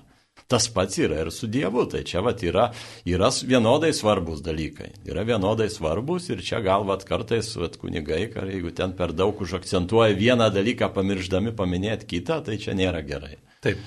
Visos tos dalys yra surašytos kiekvienoje katekizme ir kiekvienoje maldaknygėje, jas galima rasti. Dar viena žinutė, ar neštumo nutraukimas reiškia ekskomuniką, tai yra pašalinimą iš katalikų bažnyčios ir jokie išpažintis tam nepadės. E, iš tiesų, tokia kaip bausmė bažnytinė yra uždedama, bet kiekvienas kunigas turi teisę tą bausmę nuimti. Einant iš pažinties galima gauti atleidimą už abortą, čia jo labiau buvo prisimenat, kai gailestingumo metai, popiežius Pranciškus iš pradžių metams suteikė, o paskui pratėsi ilgesniam laikui, kad kiekvienas kunigas, čia nėra rezervuota vyskupo ir tenai popiežiui, tos nuodėmės ar tos bausmės nuėmimas, bet tą gali atlikti kiekvienas kunigas, taigi galima tada drąsiai eiti iš pažinties, žinoma, apgailintą nuodėmę, pasiruošus, aišku, tos nuodėmės nekartot ateityje ir gauti jos atleidimą. Taip, per Marijos radiją nieko neišgirstu apie Kauno senamiestyje prie Nemuno esančią Vytauto bažnyčią, ar jį veikia. Taip, jį veikia, ji visada veikė, ji yra skirta švenčiausiosios mergelės Marijos ėmimo į dangų garbiai ir ten vyksta įvairios veiklos ir taip pat pamaldos vyksta kiekvieną dieną išskyrus pirmadienį. Taip, dar viena žinutė, norėčiau sužinoti, ar dar galima šventąją komuniją priimti į rankas. Kiek, kiek žinau, dargi niekas šito dalyko neatšaukė tokios galimybės, jo labiau dar pandemija nėra pasibaigus. Kada pasibaigs, gal viskupai, jeigu priims kokį sprendimą, na tai tas bus paskelbta.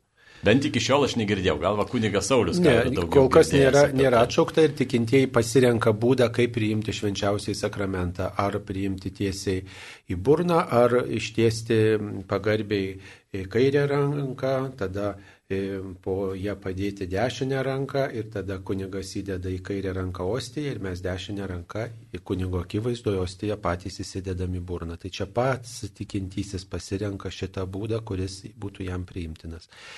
E, dabar dar viena žinutė, kaip atliekamas ir kam teikiamas ligonio ar kaip seniau vadindavo paskutinis sakramentas. Mhm.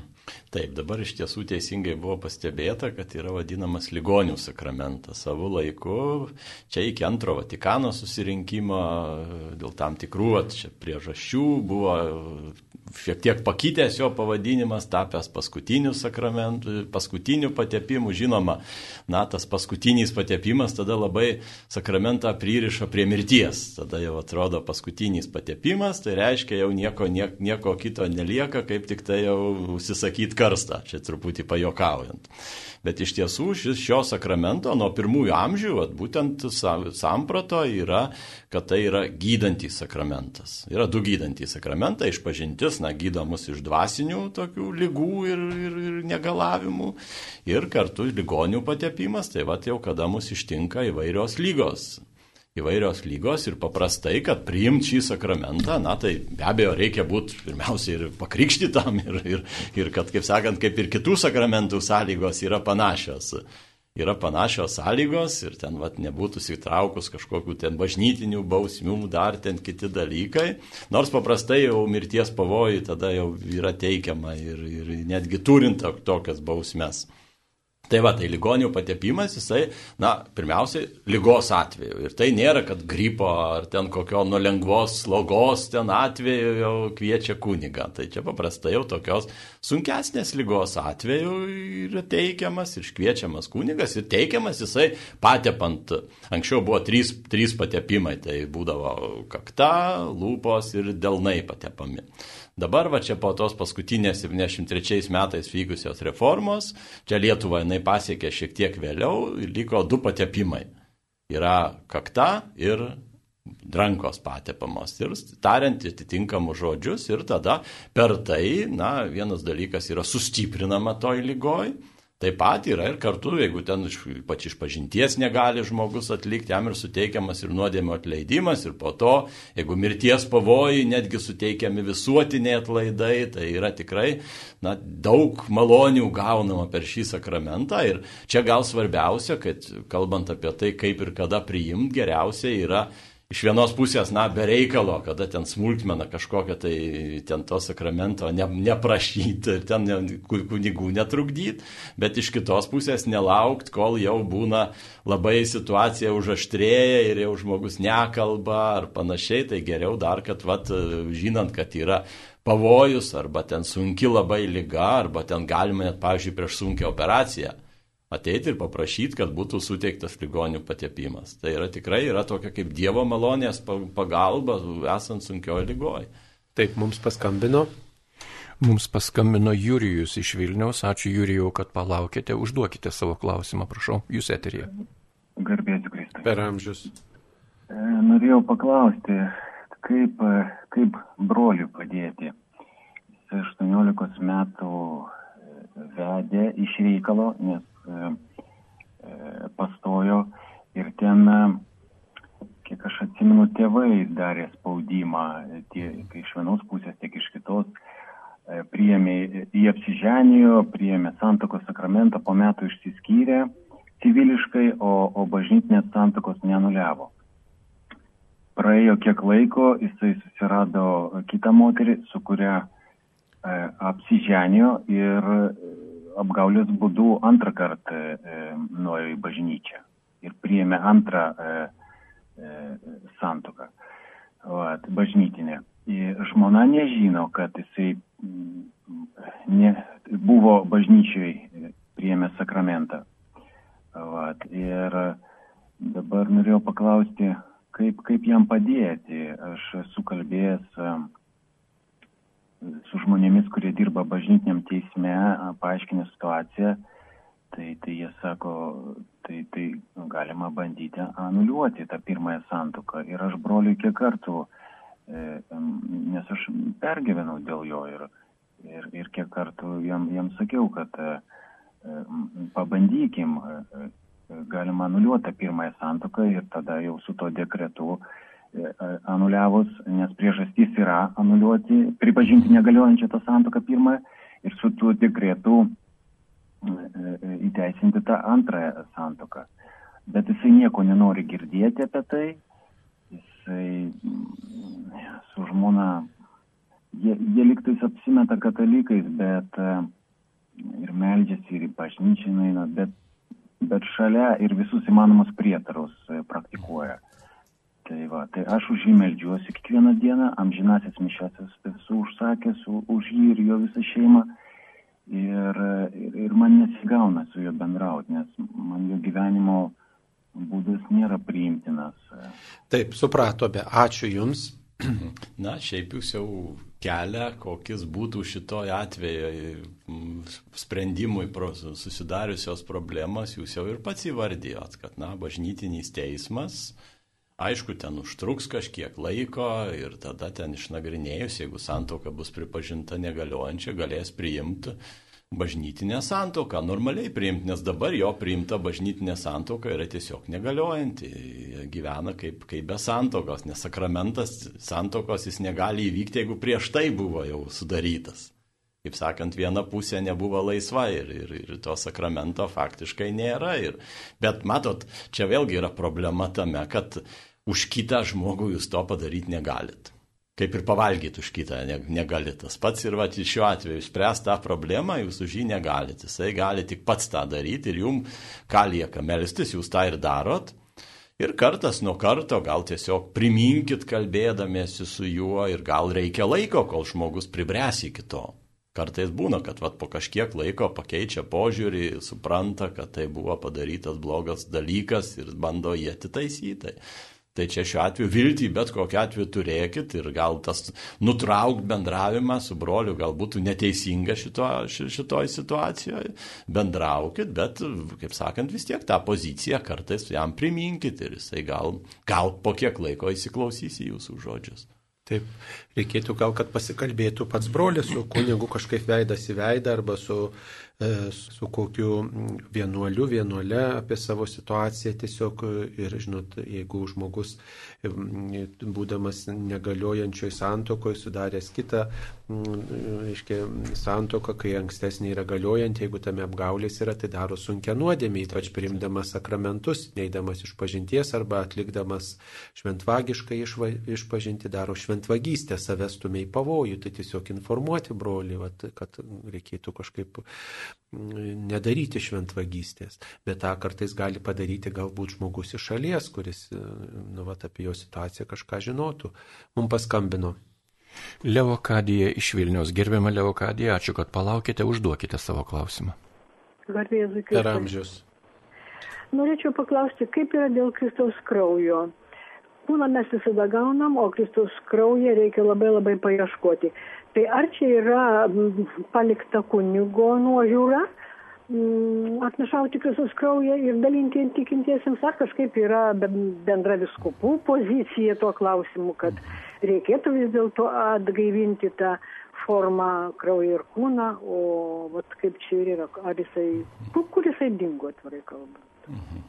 Nu jo, čia toks geras klausimas ir, ir na, iš tiesų, na, atnašaut Kristaus kraujas yra atnašavimas per kiekvienas mišes. Tai čia vėlgi jau reikia patikslinti, kad jūs sakėt, kad atnašaut, tai, ta prasme, konsekracija vykdoma tiek Kristaus kūnui, na tai reiškia, kad yra duonos pavydalai konsekruojami, tiek Kristaus kraujui konsekruojamas vynas tauriai. Bet yra tik tai, kad priima abiem pavydalais kunigas, arba ten diakonas, jeigu vat, patarnauja, ar koks klierikas dar, jeigu patarnauja mišiom, o kitiem tikintiesiem yra dalinama jau tada vienu pavydalu. Tas klausimas beje, jis jau buvo reformacijos laikų gana aštriai iškilęs, Janas Husas kėlė, Liuteris kėlė ir sakė, kad čia bažnyčia pavagė pusę vakarienės iš tikinčiųjų. Ir čia berots, aš neatsimenu, ar 15 amžiuje įvykęs Konstanco susirinkimas, jis priemė tokį sprendimą, kad apie taip vadinamą konkomitacijos mokymą. Tai reiškia, kad visas Kristus yra tiek viename, tiek kitame pavydale. Nėra, kad pusė Kristaus tik tai priima, o pusė ne. Tai kiekvienam vat, pavydale, ar tai būtų duonos pavydale yra visas Kristus, panašiai kaip ir kraujo pavydale yra visas Kristus. Taigi jūs, jeigu priima tik tai komuniją duonos pavydalu, tai tokiu atveju jūs priimat visą Kristų. Nėra, kad vat, pusė Kristaus, kaip nuo jūsų atimama. Ir čia, na, šiais laikais yra leidžiama tam tikrom progom tą daryti ir čia paprastai kunigo, čia jau kunigo dispozicijoje. Ir jeigu mato, kad bendruomenė tam yra pasiruošus ir čia kartu yra gal ir praktinis dalykas, ta dalinimas abiem pavydalais jis yra šiek tiek sudėtingesnis. Nes ten gali gal ten koks lašelis nulašėti, nežinau, taigi konsekruoto Kristaus kūno, tai irgi, na, Kristaus kraujo, tai, tai čia ne, ne bet kas, tai, tai ir paskui ten reikia turėti specialius indus, kad tą daryti. Tai čia, nu, ir užtrunka ilgiau, ir tada, nu, čia vėlgi kunigas pasirenka tą, tokią galimybę, arba ir ją, yra leista jam rinktis, ir jis pasirenka, kaip vienoje ir kitoje situacijoje yra geriau. Bet šiaip, bet, bet kokiu atveju priimat visą Kristų, ne dalį Kristaus. Paprastai tas abiem pavydalais prieimimas tai būna dažniausiai tokiuose mažesnėse bendruomenėse, kur patogiau Taip. tą padaryti. O čia yra tiesiog tokia ženklo pilnatvė. Tiesiog priimama dėl ženklo pilnatvės tikintiesiems tas um, skirta. O, o, o kunigas taip pat atstovauja tikinčiuosius priimdamas abu pavydalus. Mums paskambino Mums paskambino gražina iš Kauno, ačiū, kad palaukėt, prašau, užduokite klausimą. Trukdavo antrą kartą jumis, garbė Jėzui. Per amžius. Mano suneliui pasidarė bloga, jam aunerizmas. Iškart jį išvežė į operacinę. Iš operacinės jį jau, galima sakyti, komui nebegyva, parvežė į reanimaciją ir tada aš iškviečiau kunigą. Bet jau jis buvo be sąmonės, be kalbos. Kunigėlis ten paskutinius atliko. Ar čia reiškia, kad jam atleido nuodėmę? Taip, supratau. Iš tiesų, atsakant trumpai, taip, nes ligonių patepimas tokiais atvejais iš tiesų atleidžia nuodėmės. Iš tiesų, ir jeigu ypač va, žmogus nesamoningas, tai tokiu atveju nuodėmės yra atleidęs, jis, jisai atleidžia. Šiaip, jeigu va, būna paprastai, kiek ten nesamoningas, čia irgi kitas va, klausimas yra ir tada, va, kai iškviečia pas ligonį, na tai visada prieš tai, va, teikiant ligonių patepimą, sukalbi gailėšio aktą.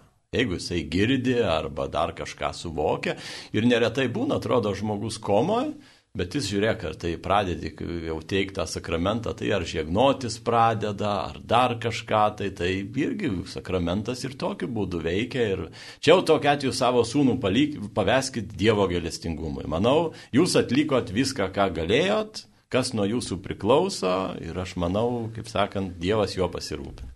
Taip. Ar krikštėjant suaugusi žmogų turi būti krikšto tėvai ar vienas iš tėvų? E, šiaip krikšto tėvai ir krikštėjant suaugusi žmogų yra reikalingi. Bent jau vienas. Bent vienas krikšto tėvas ar krikšto mama gali būti ir du. Tai čia yra privalomas dalykas. Taip, Dievas atleidžia nuodėmės po išpažinties, o kaip apie bausmes po mirties už padarytas nuodėmės? Jo, čia irgi yra geras klausimas. Iš tiesų, išpažintis atleidžia nuodėmę ir amžiną bausmę. Nu, paprastai amžina bausmė tai reiškia tai, kad mes esame atskirti nuo Dievo ir jau numirę eisim į pragarą. Tai tą, tą bausmę atleidžia, bet tos vadinamos laikinos bausmės, jos išlieka. Nes ir tai susiję, na, su tuo, kad pirmaisiais krikščionijos amžiais, pavyzdžiui, kada buvo ta vieša ir vienkartinė atgaila, tai išrišimą gaudavo tada, kai atlikdavo atgailą, kaip sakant, atsiteisdavo už tas nuodėmes. Dabargi atgaila yra daugiau simbolinė ir mes išrišimą gaunam jau net likę atgailos. Atgailą atliekam po to.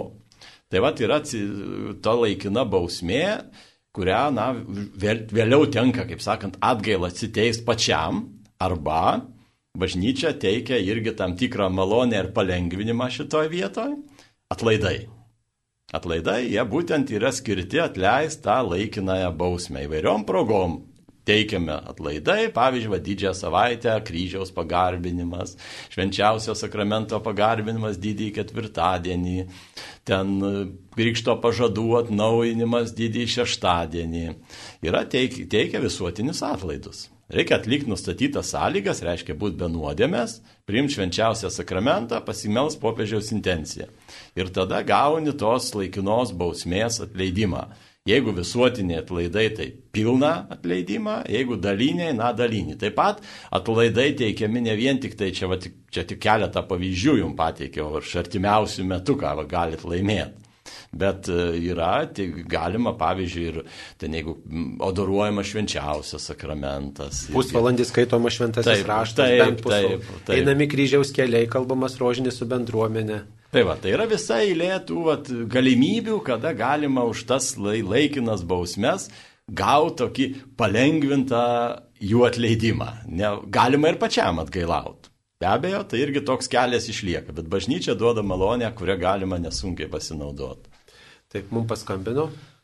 Mums paskambino Birutė iš Marijampolės, taigi gerbame Birutė, užduokite savo klausimą jūs eterį. Garbėzai Kristus. Per amžius pirmiausia padėkoju e, programų sudarytojui direktoriui, kad rado laiko ir praeitą savaitę jau buvo gėdama graudus verksmai. Ačiū Jums. Antras, antra dalis, klausimas. Buvau Izraelyje, Jeruzalėje prisirinkau, kaip ir kiti, kai kurie rinkosi, akmenukų e, tose e, atskirose šventose vietose. Dabar kur man juos dėti, at ir galvoju. Ar man čia kur į, į kapus nunešt, ar čia, nežinau. Už tai jūsų patarimo klausiu. Tai po kokiu tikslu jūs tuos akmenėlius žiūrint rinkote? Papra... Aš rinkau, kad galbūt daug kur pateko šitie kryžiaus keliai, kur yra čia Vilniuje. Taip, Jeruzalė. Yra kiekvieno, kiekvieno, prie kiekvienos stoties padėta žemės ir akmenukų. Nu, ten yra ir žemės truputį, bet ten daugiau akmenukai. Taip. Nu tai matot, žmogus dažniausiai nori turėti kažkokį prisiminimo ženklą, regimą ženklą. Tokius daiktus e, paprastai laiko maldos kampelį, ten, kur yra kryžius, paveikslėlis padėtas e, lentynoje, prie knygų kartais, va, jeigu tokio kampelio neturi, pasideda, nu ir prisimena, svečiam parodo, šeimos nariams parodo, nu prisimena, kad buvo šventoji žemė, kad va, tas akmenukas yra iš tų kraštų, kuriuose vaikščiojo Jėzus. Tai taip, o jeigu e, nereikalingi tie daiktai tampa, arba žmogus žmogus miršta, aišku, galima, kai tikrai žinom, kad iš šventosios žemės atvežta, galima nunešti ir padėti kryžiaus kelytos akmenėlius, galima kapinėse padėti prie paminklo tos akmenėlius, tai labai paprastai, jie nėra nei, nei ten pašventinti, nei, nei ką tik tai tas prisiminimas iš tų kraštų, tai taip elgiamės kaip su mums svarbiu atminimo ženklu.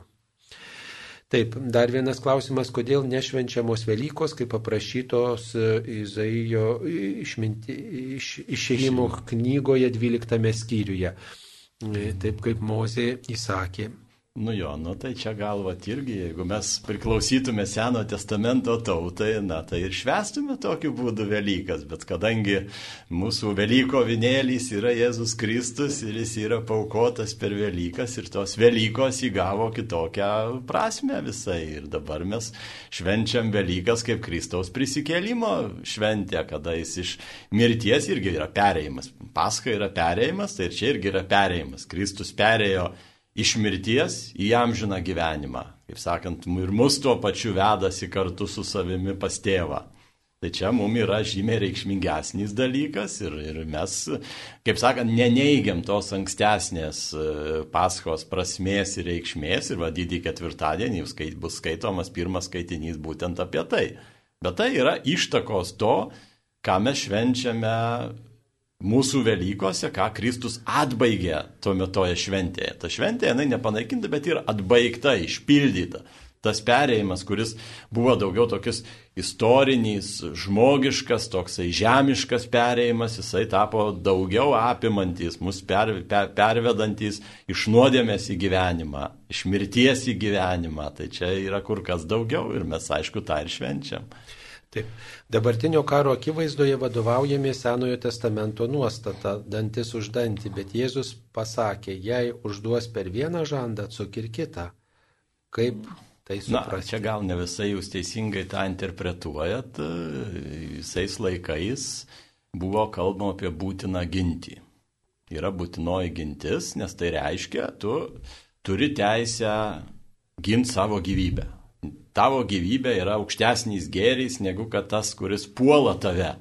Nes, nu tai tokiu atveju tada, jeigu tu laikysi, kad jo, jo gyvybė bus aukštesnis gėris, na tai jis tave tiesiog nužudys. Tai čia šiuo atveju būtinoji gintis beje ir civilinė teisė, jinai taip pat egzistuoja ir jeigu ten vat, buvo žmogus buvo užpultas ir jis ten, kad ir šaunamą ginklą panaudojo ar kažką, tai jo jisai gali būti ir už tai visai net nebaudžiamas. Tas pats yra ir čia - gintis. Pult yra kas kita.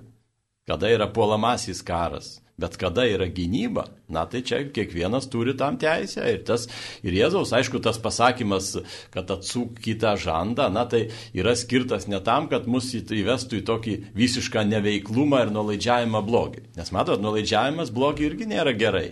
Nes tas, kuris blogą daro, jeigu jo nesustabdai tam tikrais atvejais, jis tą savo blogą darimą plečia ir dar daugiau apima žmonių. Tai va čia irgi turi būti sustabdyta ir tas va atsuk dešinį skruostą, tai čia turi būti suprasta tam kontekste, kad tai reiškia, parodydamas gerumą tam žmogui, kuris tau daro blogą, tu jį pabandai paskatinti atsiverst, pabandai paskatinti pakeisti jo nuostatas. Bet jeigu tas nepavyksta, na, Jėzus nesako, jeigu trečią kartą gauni dar atsuk tą patį žandą.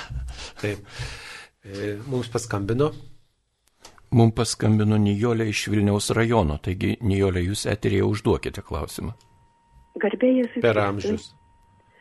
Aš norėjau tokį klausimą užduoti. Vakati kunigas pakomentavo, kad Jėzus Kristus prisikėlė, jisai gyvas, o mano klausimas būtų toks.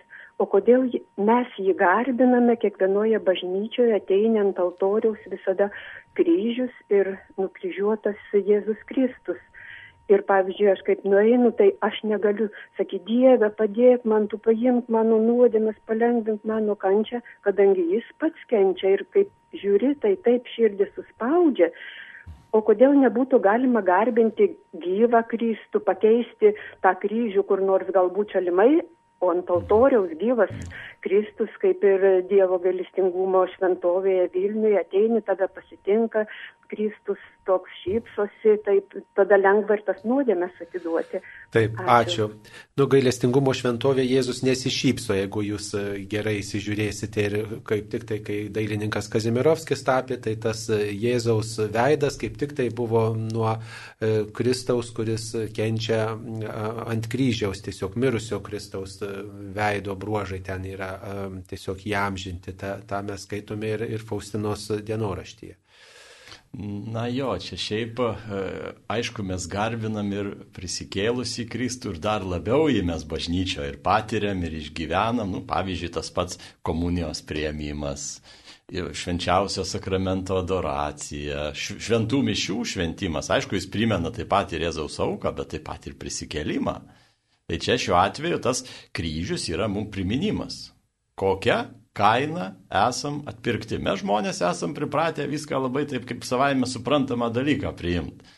Ir jeigu to, ne, to, to nematysim, tai tada, na, sakysim, na, čia nieko ir nebuvo, čia nieko ir nereikėjo, tai bažnyčia norėdama akcentuoti, kaip tai yra svarbu. Kiek Dievas mus myli, tai čia irgi yra Dievo meilės išraiška.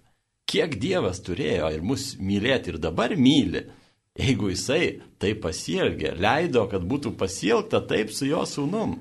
Tai čia, man atrodo, yra tikrai labai didelis ženklas, svarbus ženklas ir nuo pirmųjų krikščionijos amžių jisai buvo nuolat, e, jisai visais laikais yra sutinkamas bažnyčioje.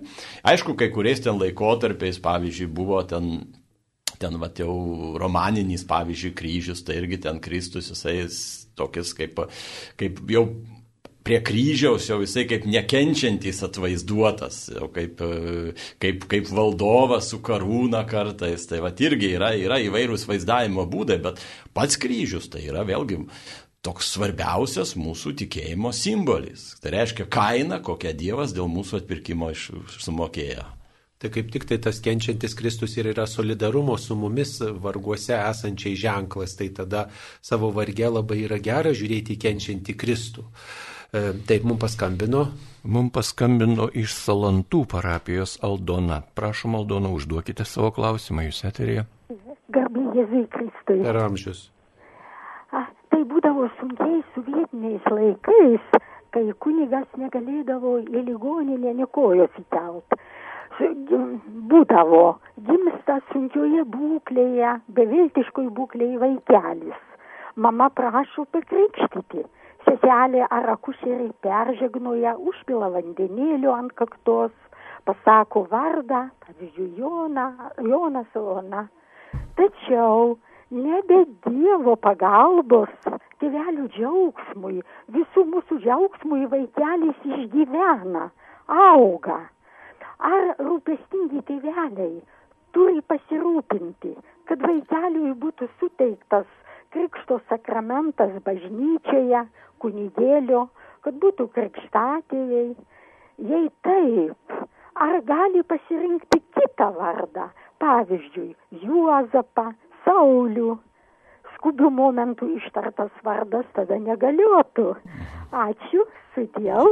Sudėjau, ačiū. Jo, supratau, supratau. Na, iš tiesų, vat, pirmas dalykas, tai kad mirties pavojui, čia irgi var svarbu žinot, kad e, galima, gali krikštyti kiekvienas. Kiekvienas pakrikštytasis gali suteikti kitam krikšto sakramentą mirties pavojui. Ne normaliom sąlygom, bet kada yra tikrai realus mirties pavojui ir ten, pavyzdžiui, vaikeliai silpnas gimė, ypač sovietmečiu, kunigų neleisdavo, tikrai tada krikštijo ar ten patys tėvai, ar krikštijo ten, sakykime, kušerės ar kokie kiti ligoninės darbuotojai. Tas, ir tas krikštas, beje, jeigu yra išlaikyta pati krikšto forma, ir materija. Tai reiškia, kad krikštyta vandeniu ir ištarti žodžiai. Ten vardas, aš tave krikštyju, vardant Dievo tėvo, sunaus iš šventosios dvasios. Jeigu ta formulė išlaikyta, krikštas yra įvykęs, kitą kartą jau jo, jo suteikti nereikia. Jeigu ten būtų kažkas tai materijoje ir formoje netvarkoj, tada reikėtų suteikti naujai. Dabar ką daryti tokiu atveju, jeigu vaikas išgyveno?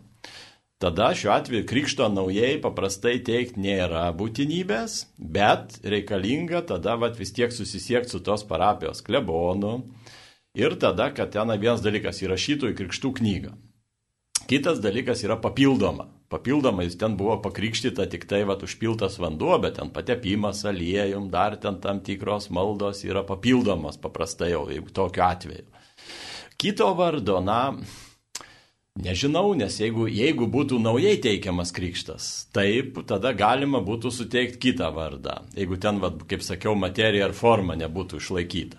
Bet jeigu viskas buvo tvarkoje, tai tada gal ten kažkokios tai didelės būtinybės nėra, galima, jeigu norint, kai bus sutvirtinimas, pavyzdžiui, gali kokį kitą vardą pasirinkti. Tai čia, nu, tokia, tokia kaip sako, tokios, to, tokia bažnyčios nuostata. Krikštas nekartojamas, mato, Taip. tik tai apėgos papildomos, o kai Taip. apėgos papildomos, tuomet vardo nebereikia kito duoti.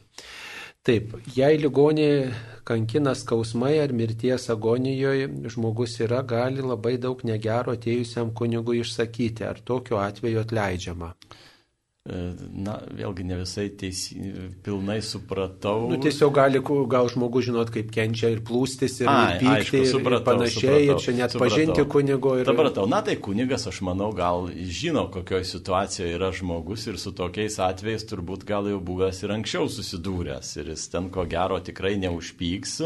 O šiaip, jeigu tenai, va, iš pažinties metu, manau vis tiek, jeigu žmogus nori, kad jam pakviestų kunigą, nu tai turbūt gal su išpažintim ir su kitais dalykais jis elgsis rimtai. O aišku, gali būti nekantrumas. Ir ten vat, mes visi žinom, kad e, kenčiant skausmus, tai nėra, nėra, kaip sakant, lengva ir susivaldyti ir tampi visai kitas žmogus. Tai, tai čia gal tokiu atveju kunigas, manau, tikrai neįsižeis dėl to. Yra tokių buvę atvejų, kai žmogus tai atlieka išpažinti ir, žinot, paskui jau tikrai žmogus ir, ir atminti praradęs, ir amžius, ir viską, ir paskui priima komuniją ir tada kunigas duoda švenčiausią sakramentą ir tiesiog jisai sako, ką čia man kiši. Tai tiesiog kunigasgi supranta, jie, jie tam ir ruošiami, būsimi kunigai seminarijose, kad tiesiog apibūdinamas tas ligonių sakramentų teikimo vis, visos aplinkybės ir, ir visas tas klimatas, visa situacija. Tai, tai tiesiog dėl kunigo tikrai ne, ne, ne, nepergyvenkite, tik tai galite informuoti, kad, kuniga, kad kai kunigas ateina pas ligonį, kokia jo būsena, kad, kad žodžiu, jisai gali labai kenčia, visa kita, tai tiesiog va, prisidėsite tiesiog nu, žmogiškai palaikydami kunigą, kad tiesiog kunigas nusiteiktų, kad tikrai ligonės nėra sąmoningas, ir, o šiaip tai ligonės,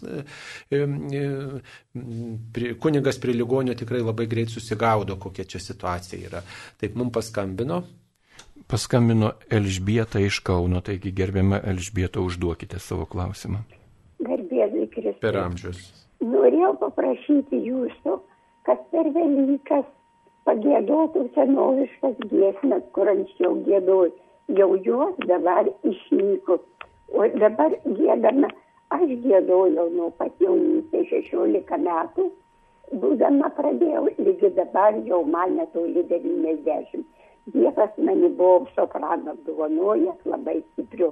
O dabar jau aš nebegidžiu, garbė Dievui aukštybėse, žinoma, gėdama, atmintinai visas giesmės moku gėdama visada parmišęs. Bet Velykų rytą garbė tau šventa trejybė. Šito ne, jau nie, nei pernai, nei per vieną bažnyčios negirdėjau. Taip, supratom. Pirmą. Suprato, matot, tas, kas gėdama bažnyčioje, tas ir gėdama mes transliuojame tai, kas ten kokia yra giesmės, kokios pasirenkamos ir senoviškos giesmės ne visos yra įgėdotos ir ne visas jas dabartiniai chorai net ir moka. Ir tą garbė, tau šventą trejybę prie Velykų rytą, prieš visas apėgas gėdamas giesmės tikrai ne visi ir chorai moka ir ne visi vargonininkai jų išmoko, bet tikrai jūsų prašymas labai gražus ir, kaip sakoma, teisėtas. Jo, nu, kita vertus, dar čia papildant, galima pasakyti, kad vėlgi bėgant laikui keičiasi ir ten gal gėdojimo tam tikri niuansai, giesmių žodžiai kažkiek tai labiau su, su šiuo laikinami, na tai čia vėlgi mes negalim prisirišti vien tik tai prie kažkada tai buvusių giesmių, kaip pavyzdžiui dabar įsivaizduokit, kažkada tai vyravo koralo gėdojimai. Ir mūsų laikais dabar, nu kai kur būna mišios ir gėda choralistai, labai gražu, bet, bet per kiekvienas mišes, na, būtų tai sunkiai įmanoma. Tai čia vėlgi laikas bėga, keičiasi ir, ir tų gėdojimų tam tikri dalykai. Taip, santoka sudaryta vienam su toktiniu neturint sutvirtinimo ir išpažinties sakramento. Ar tada netenka, ko tada netenka su tuoktiniai? Na, pirmiausia, tai čia santoka yra galiojanti, kad ir ne, nebuvo priimtas e, sutvirtinimo sakramentas ar pirma komunija, tai čia tas santokos negaliojančia nedaro. Bet ko netenka, na tai pirmiausia, kaip ir kiekvieno sakramento atveju, yra tas atliekama ne dėl kažkokio formalumo sakramentas teikiamas, bet teikiama malonė, na tai pirmiausia, pavyzdžiui, sutvirtinimas, jis labiau susijęs su bažnyčia, duoda drąsos išpažinti tikėjimą, gaunam šventos dvasios dovanų, o šventos dvasios dovanos, aš manau, kiekvienam yra reikalingos. Panašiai kaip ir vat komunijos prieimimas, nu tai gerai, santokai gal ten to ir užtenka, kad be komunijos prieimėt, bet dabar gyvenant santokoj, gal Kristaus prieimimas į savo gyvenimą, arba ten iš pažinties atlikinėjimas, komunijos prieminėjimas, jisai, na, tikrai gali labai daug gyvenime padėti ir prisidėti, gal net ir sprendžiant įvairias iškilusias gyvenime problemas, sunkumus, duoti jėgų. Tai, tai čia, manau, netenkama daug, bet tai čia tik tokiu atveju lengvai tas dalykas yra ištaisomas. Čia tiesiog užtenka kreiptis į savo parapijos kleboną ir susiderinti, kaip ten tiem sakramentam galima pasiruošti ir juos priimti. Taip, ačiū. E, ar galioja ir ar yra teikiamas atgailos sakramentas bažnyčios bendruomeniai bendrai išpažįstant skelbiamas nuodėmės? Jo, čia šituo klausimu vėlgi priklauso nuo aplinkybių. Jeigu yra, pavyzdžiui, mirties pavojus, pavyzdžiui, karo atveju, ar ten laivas kesta, ar kažkas, tai, na, tai tokiu atveju galima suteikti tą vadinamą generalinę absoliuciją. Tai reiškia, pakviečiami žmonės gailėtis dėl nuodėmių, jų išpažinti nereikia ir tada suteikiamas išrišimas. Bet lieka pareiga, jeigu, jeigu pavojus praeina. Taip, jeigu pavojus praeina, lieka pareiga atlikti asmeninę išpažinti. Šiaip beje šitą nuostatą, kad sunkios nuodėmės yra privalomos išpažinti asmeniškai, įvedė Tridento susirinkimas ir tai yra beje dogminė formuluotė kurios jau bažnyčia atšauk negali ir čia vad buvo savo laikų bandymų tas tas tokias kaip sutaikinimo pamaldas padaryti su to generalinė absoliucija, bet būtent šitas tridento susirinkimo sprendimas, jisai tam užkerta bet kokį kelią. Ir tokiu atveju ir dabar, kada būna sutaikinimo pamaldos, visada yra pasiruošiama iš pradžių ten vat, bendrai, bendrai tenai klausomas Dievo žodis, ten atliekamas sąžinės sąskaitas, sukalbamas gailėšio aktas ir tada atliekamas meninė išpažintis. Be šito sunkių nuodėmių atveju, lengvų nuodėmių atveju yra kitaip. Lengvas nuodėmės ten atleidžia ir gailestys prieš šventasias mišes ir panašiai. Bet sunkių nuodėmių atveju, kaip tridento susirinkimas, dar pakartosiu, yra paskelbęs dogminę formuluotę, yra būtina išpažinti kiekvieną jų pagal rūšį ir skaičių. Na dabar į kelius klausimus atsakykim labai trumpai. Ar verbo šventinamos per, višes, per visas mišes bažnyčioje ar tik per sumą? Šventinamos per visas, per visas mišes jo. ir e, nuo ryto iki vakaro. Dabar e, reikia tik tai pilnai dalyvauti šventose mišiuose, ar reikia kalbant rožinį po kiekvienos maldos sakyti Amen. E, taip reiktų pasakyti po kiekvienos maldos amen, bet jeigu nepasakoma, tai ir nepasakoma, čia nėra jokios dramos. Ir dar vienas toksai e, trumpas turbūt atsakymas būtų, kada per šventasias mišes reikia atsistoti iš karto po pakilėjimo ar tik prieš tėvę mūsų. Dažniausiai e, atsistojama tik prieš tėvę mūsų, tačiau reikėtų žiūrėti, kaip toje bendruomenėje, koks yra paprotys. Ir taip pat jeigu jūs negalite išklupėti tiesiog fiziškai, tai tiesiog jūs atsistokite tada, kada jums jau, kaip sakant, reikia atsistoti, kada jau jūs negalite toliau klupėti, o jeigu iš viso keblo atsiklaupti, tai tiesiog pagarbiai nusilenkite, kai yra pakilėjimas. Tai taip būtų. Mums paskambino. Paskambino iš Deltuvos parapijos Stanislava. Prašom, užduokite savo klausimą.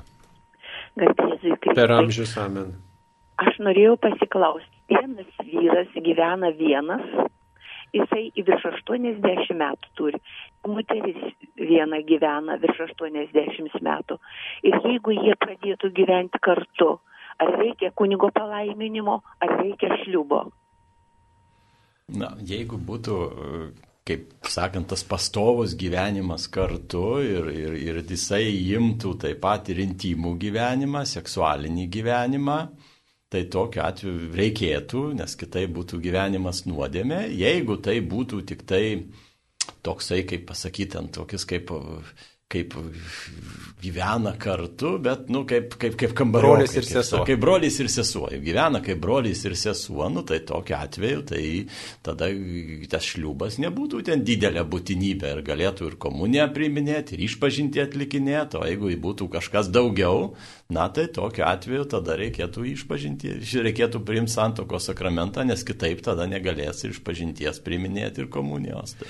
Nu, bet to reikia truputį pagalvoti ir apie kitus dalykus. Matot, jeigu žmonės gyvena kartu, vienas kitam padeda, kaip ir brolis ir sesuo, bet pavyzdžiui, kaip tada bus, jeigu vienas numiršta, kaip jie tada mm. rūpinsis, reiškia, sakykime, to turtiniai dalykai. turtiniai dalykai, jeigu jie štai nori, kad va, tas turtelis, jie, kuriame jie yra tas namelis ar ar ten žemės klipelis, ar dar, dar kažkokios santaupos atitektų tam, kuris štai čia yra šalia manęs, tai tada tas santokos sakramentas turėtų būti priimtas, nes vat, jisai reiškia, kad mes sudarom pilną šeimą ir tada vat, kitas yra vat, tų teisų visų paveldėtojas, kitas narys vienam pasitraukus mirus.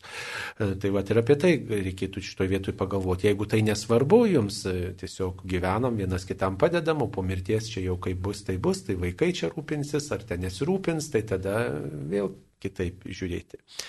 E, dar vienas klausimas. Sakoma, kad Dievas gailestingas, viską atleidžia, tai kada jis į tą pragarą patenka? Turiu galvoj, kad turbūt jeigu Dievas atleidžia, kada žmogus patenka į pragarą. Nu jo, tas pasakymas, kad Dievas gailestingas, jo gailestingumui nėra ribų, na, yra teisingas, bet čia vat yra vienas bet, Dievas ne, savo malonių niekada neprimeta per prievartą. Ne vieno į dangų su lasda nevaro. Visada būna taip, kad žmogus jisai pats pasirenka, ar jisai e, nori būti su Dievu, ar nenori priklausyti Dievui. Ir Dievas respektuoja jo pasirinkimą. Ir tokiu atveju, jeigu žmogus į Dievo teikiamą malonę nepasinaudoja ar tą malonę atmeta, na tai tokiu atveju Dievo gailestingumas, na, jo negali pasiekti. Ne dėl to, kad Dievas negailestingas, nes, bet jis pats nepajėgus tą gailestingumą priimti. Panašiai kaip vad būna kartais ir išpažinti, jeigu, pavyzdžiui, žmogus nesigaili. Jau minėjau, čia ne Dievas yra negailestingas, kad net leidžia arba nuslepia kokias nuodėmės išpažinti. Bet žmogus sukuria tokias prielaidas, kad jam nuodėmės negali būti atleistos. Tai čia šiuo atveju ne Dievą reikia kaltinti, Bet žmogaus čia yra pasirinkimas, kaip ir žmonės, pirmieji žmonės rojaus sodė. Irgi Adomas su Jėva, jam buvo pasirinkimas, jie pasirinko tokį pasirinkimą, o galėjo pasirinkti taip. Taip. Dar toks klausimas yra dažnai vis sklandantis, ar galima naudoti e, homeopatinius vaistus. Tai paprastai egzorcistai nerekomenduoja jų vartoti, tikrai ieškoti kiltų alternatyvų kviestume. E, ir nes neaiškiom aplinkybėm tie vaistai yra pagaminti. Dar viena žinutė pasninko metu penktadienį negalima valgyti mėsos, o išgerti taurę vyno galima. Ar tai jau pasninko sulaužimas? Na, vėlgi čia kokia proga yra ir jeigu yra ten, sakykime, tikrai koks gimtadienis ar, ar, ar šiaip kokia šventė, tai net gali, net jau parapijos klebonas dispensuoti nuo pasniko. Jeigu yra šventimas ar, pavyzdžiui, kokios laidotuvės irgi ten vat, reikia paruošti, ten valgyti ir paruošta ten, sakykime, mėsiški valgiai, tai tokiu atveju tas pas, nuo pasniko gali, gali, galima gauti net ir dispensą. O šiaip, jeigu yra proga, nu tai ten jeigu saikingai išgert, išgerta viena vyno taurė, na tai yra viena, o visai kes kita, jeigu ten yra geriama jau iki nukritimo, tai tada skirtingi dalykai. Taip, bet to reikia pasininką suprasti, kad mes save pribojam, bet ką sutaupom pasidalinam su kitais. Tai apie tai verta pagalvoti, o ne tik kažką, kažko atsisakyti, kažko nevalgyti ar valgyti. Ir dar vienas klausimas, ar katalikas gali skaityti Jehovos liudytojų padovanotą Bibliją. Patartume neskaityti, o patartume skaityti Lietuvos viskupų konferencijos e, išleistą, probuotą Bibliją arba skaityti e, Biblijos draugijos išleistus leidinius. Taip, čia dar klausimas, kodėl kunigai neina evangelizuoti, kaip Jėzus darė, neina į pasaulį. Tai kunigai eina į pasaulį ir įvairiomis progomis tą daro. Tai čia, žinot, yra ir kunigai kavinės ir panašiai tokių įvairiausių situacijų. Ir paskutinis klausimas, kurį atsakykime, norėčiau paklausti, jei kunigas suspenduoja, kiek laiko tai trunka ir jei atspenduoja, ar jis gali dirbti toliau kunigu. Tai čia turbūt labai skirtingai, čia Taip. priklauso nuo vyskupo, nuo Taip. kunigo, e, dėl priežasčių, kokių. Taip, kurių... paprastai ten būna jau tame dekrete, kurį vyskupas parašo, ten nurodyta, kada tas dekretas įsigalioja. Ir tada šiuo atveju, jeigu ta, tas dalykas išnyksta, dėl kurio buvo uždėtas suspensą, na tai viskupas gali tą suspensą nuimti ir tada tuoj pat kunigas nuėmus tą suspensą gali vykdyti savo pareigas. Taip, tai ačiū kunigui Mindaugui Ragaišiui, kuris štai skyrė laiko mūsų klausytojams, atsakinėjo jūsų klausimus, mėly Marijos radio klausytojai. Ačiū jums visiems, kurie klausėte, uždavėte, uždavėte klausimus, viešpats te laimina mus visus. Rytoj verbų sekmadienis, tikrai visi dalyvaukime, kas galime pamaldose ir priimkime viešpaties šitą laiką kaip ypatingą liturginį laiką skirtą apmastyti mūsų tikėjimo įvykiams. Ačiū, sudė. Sudėjau.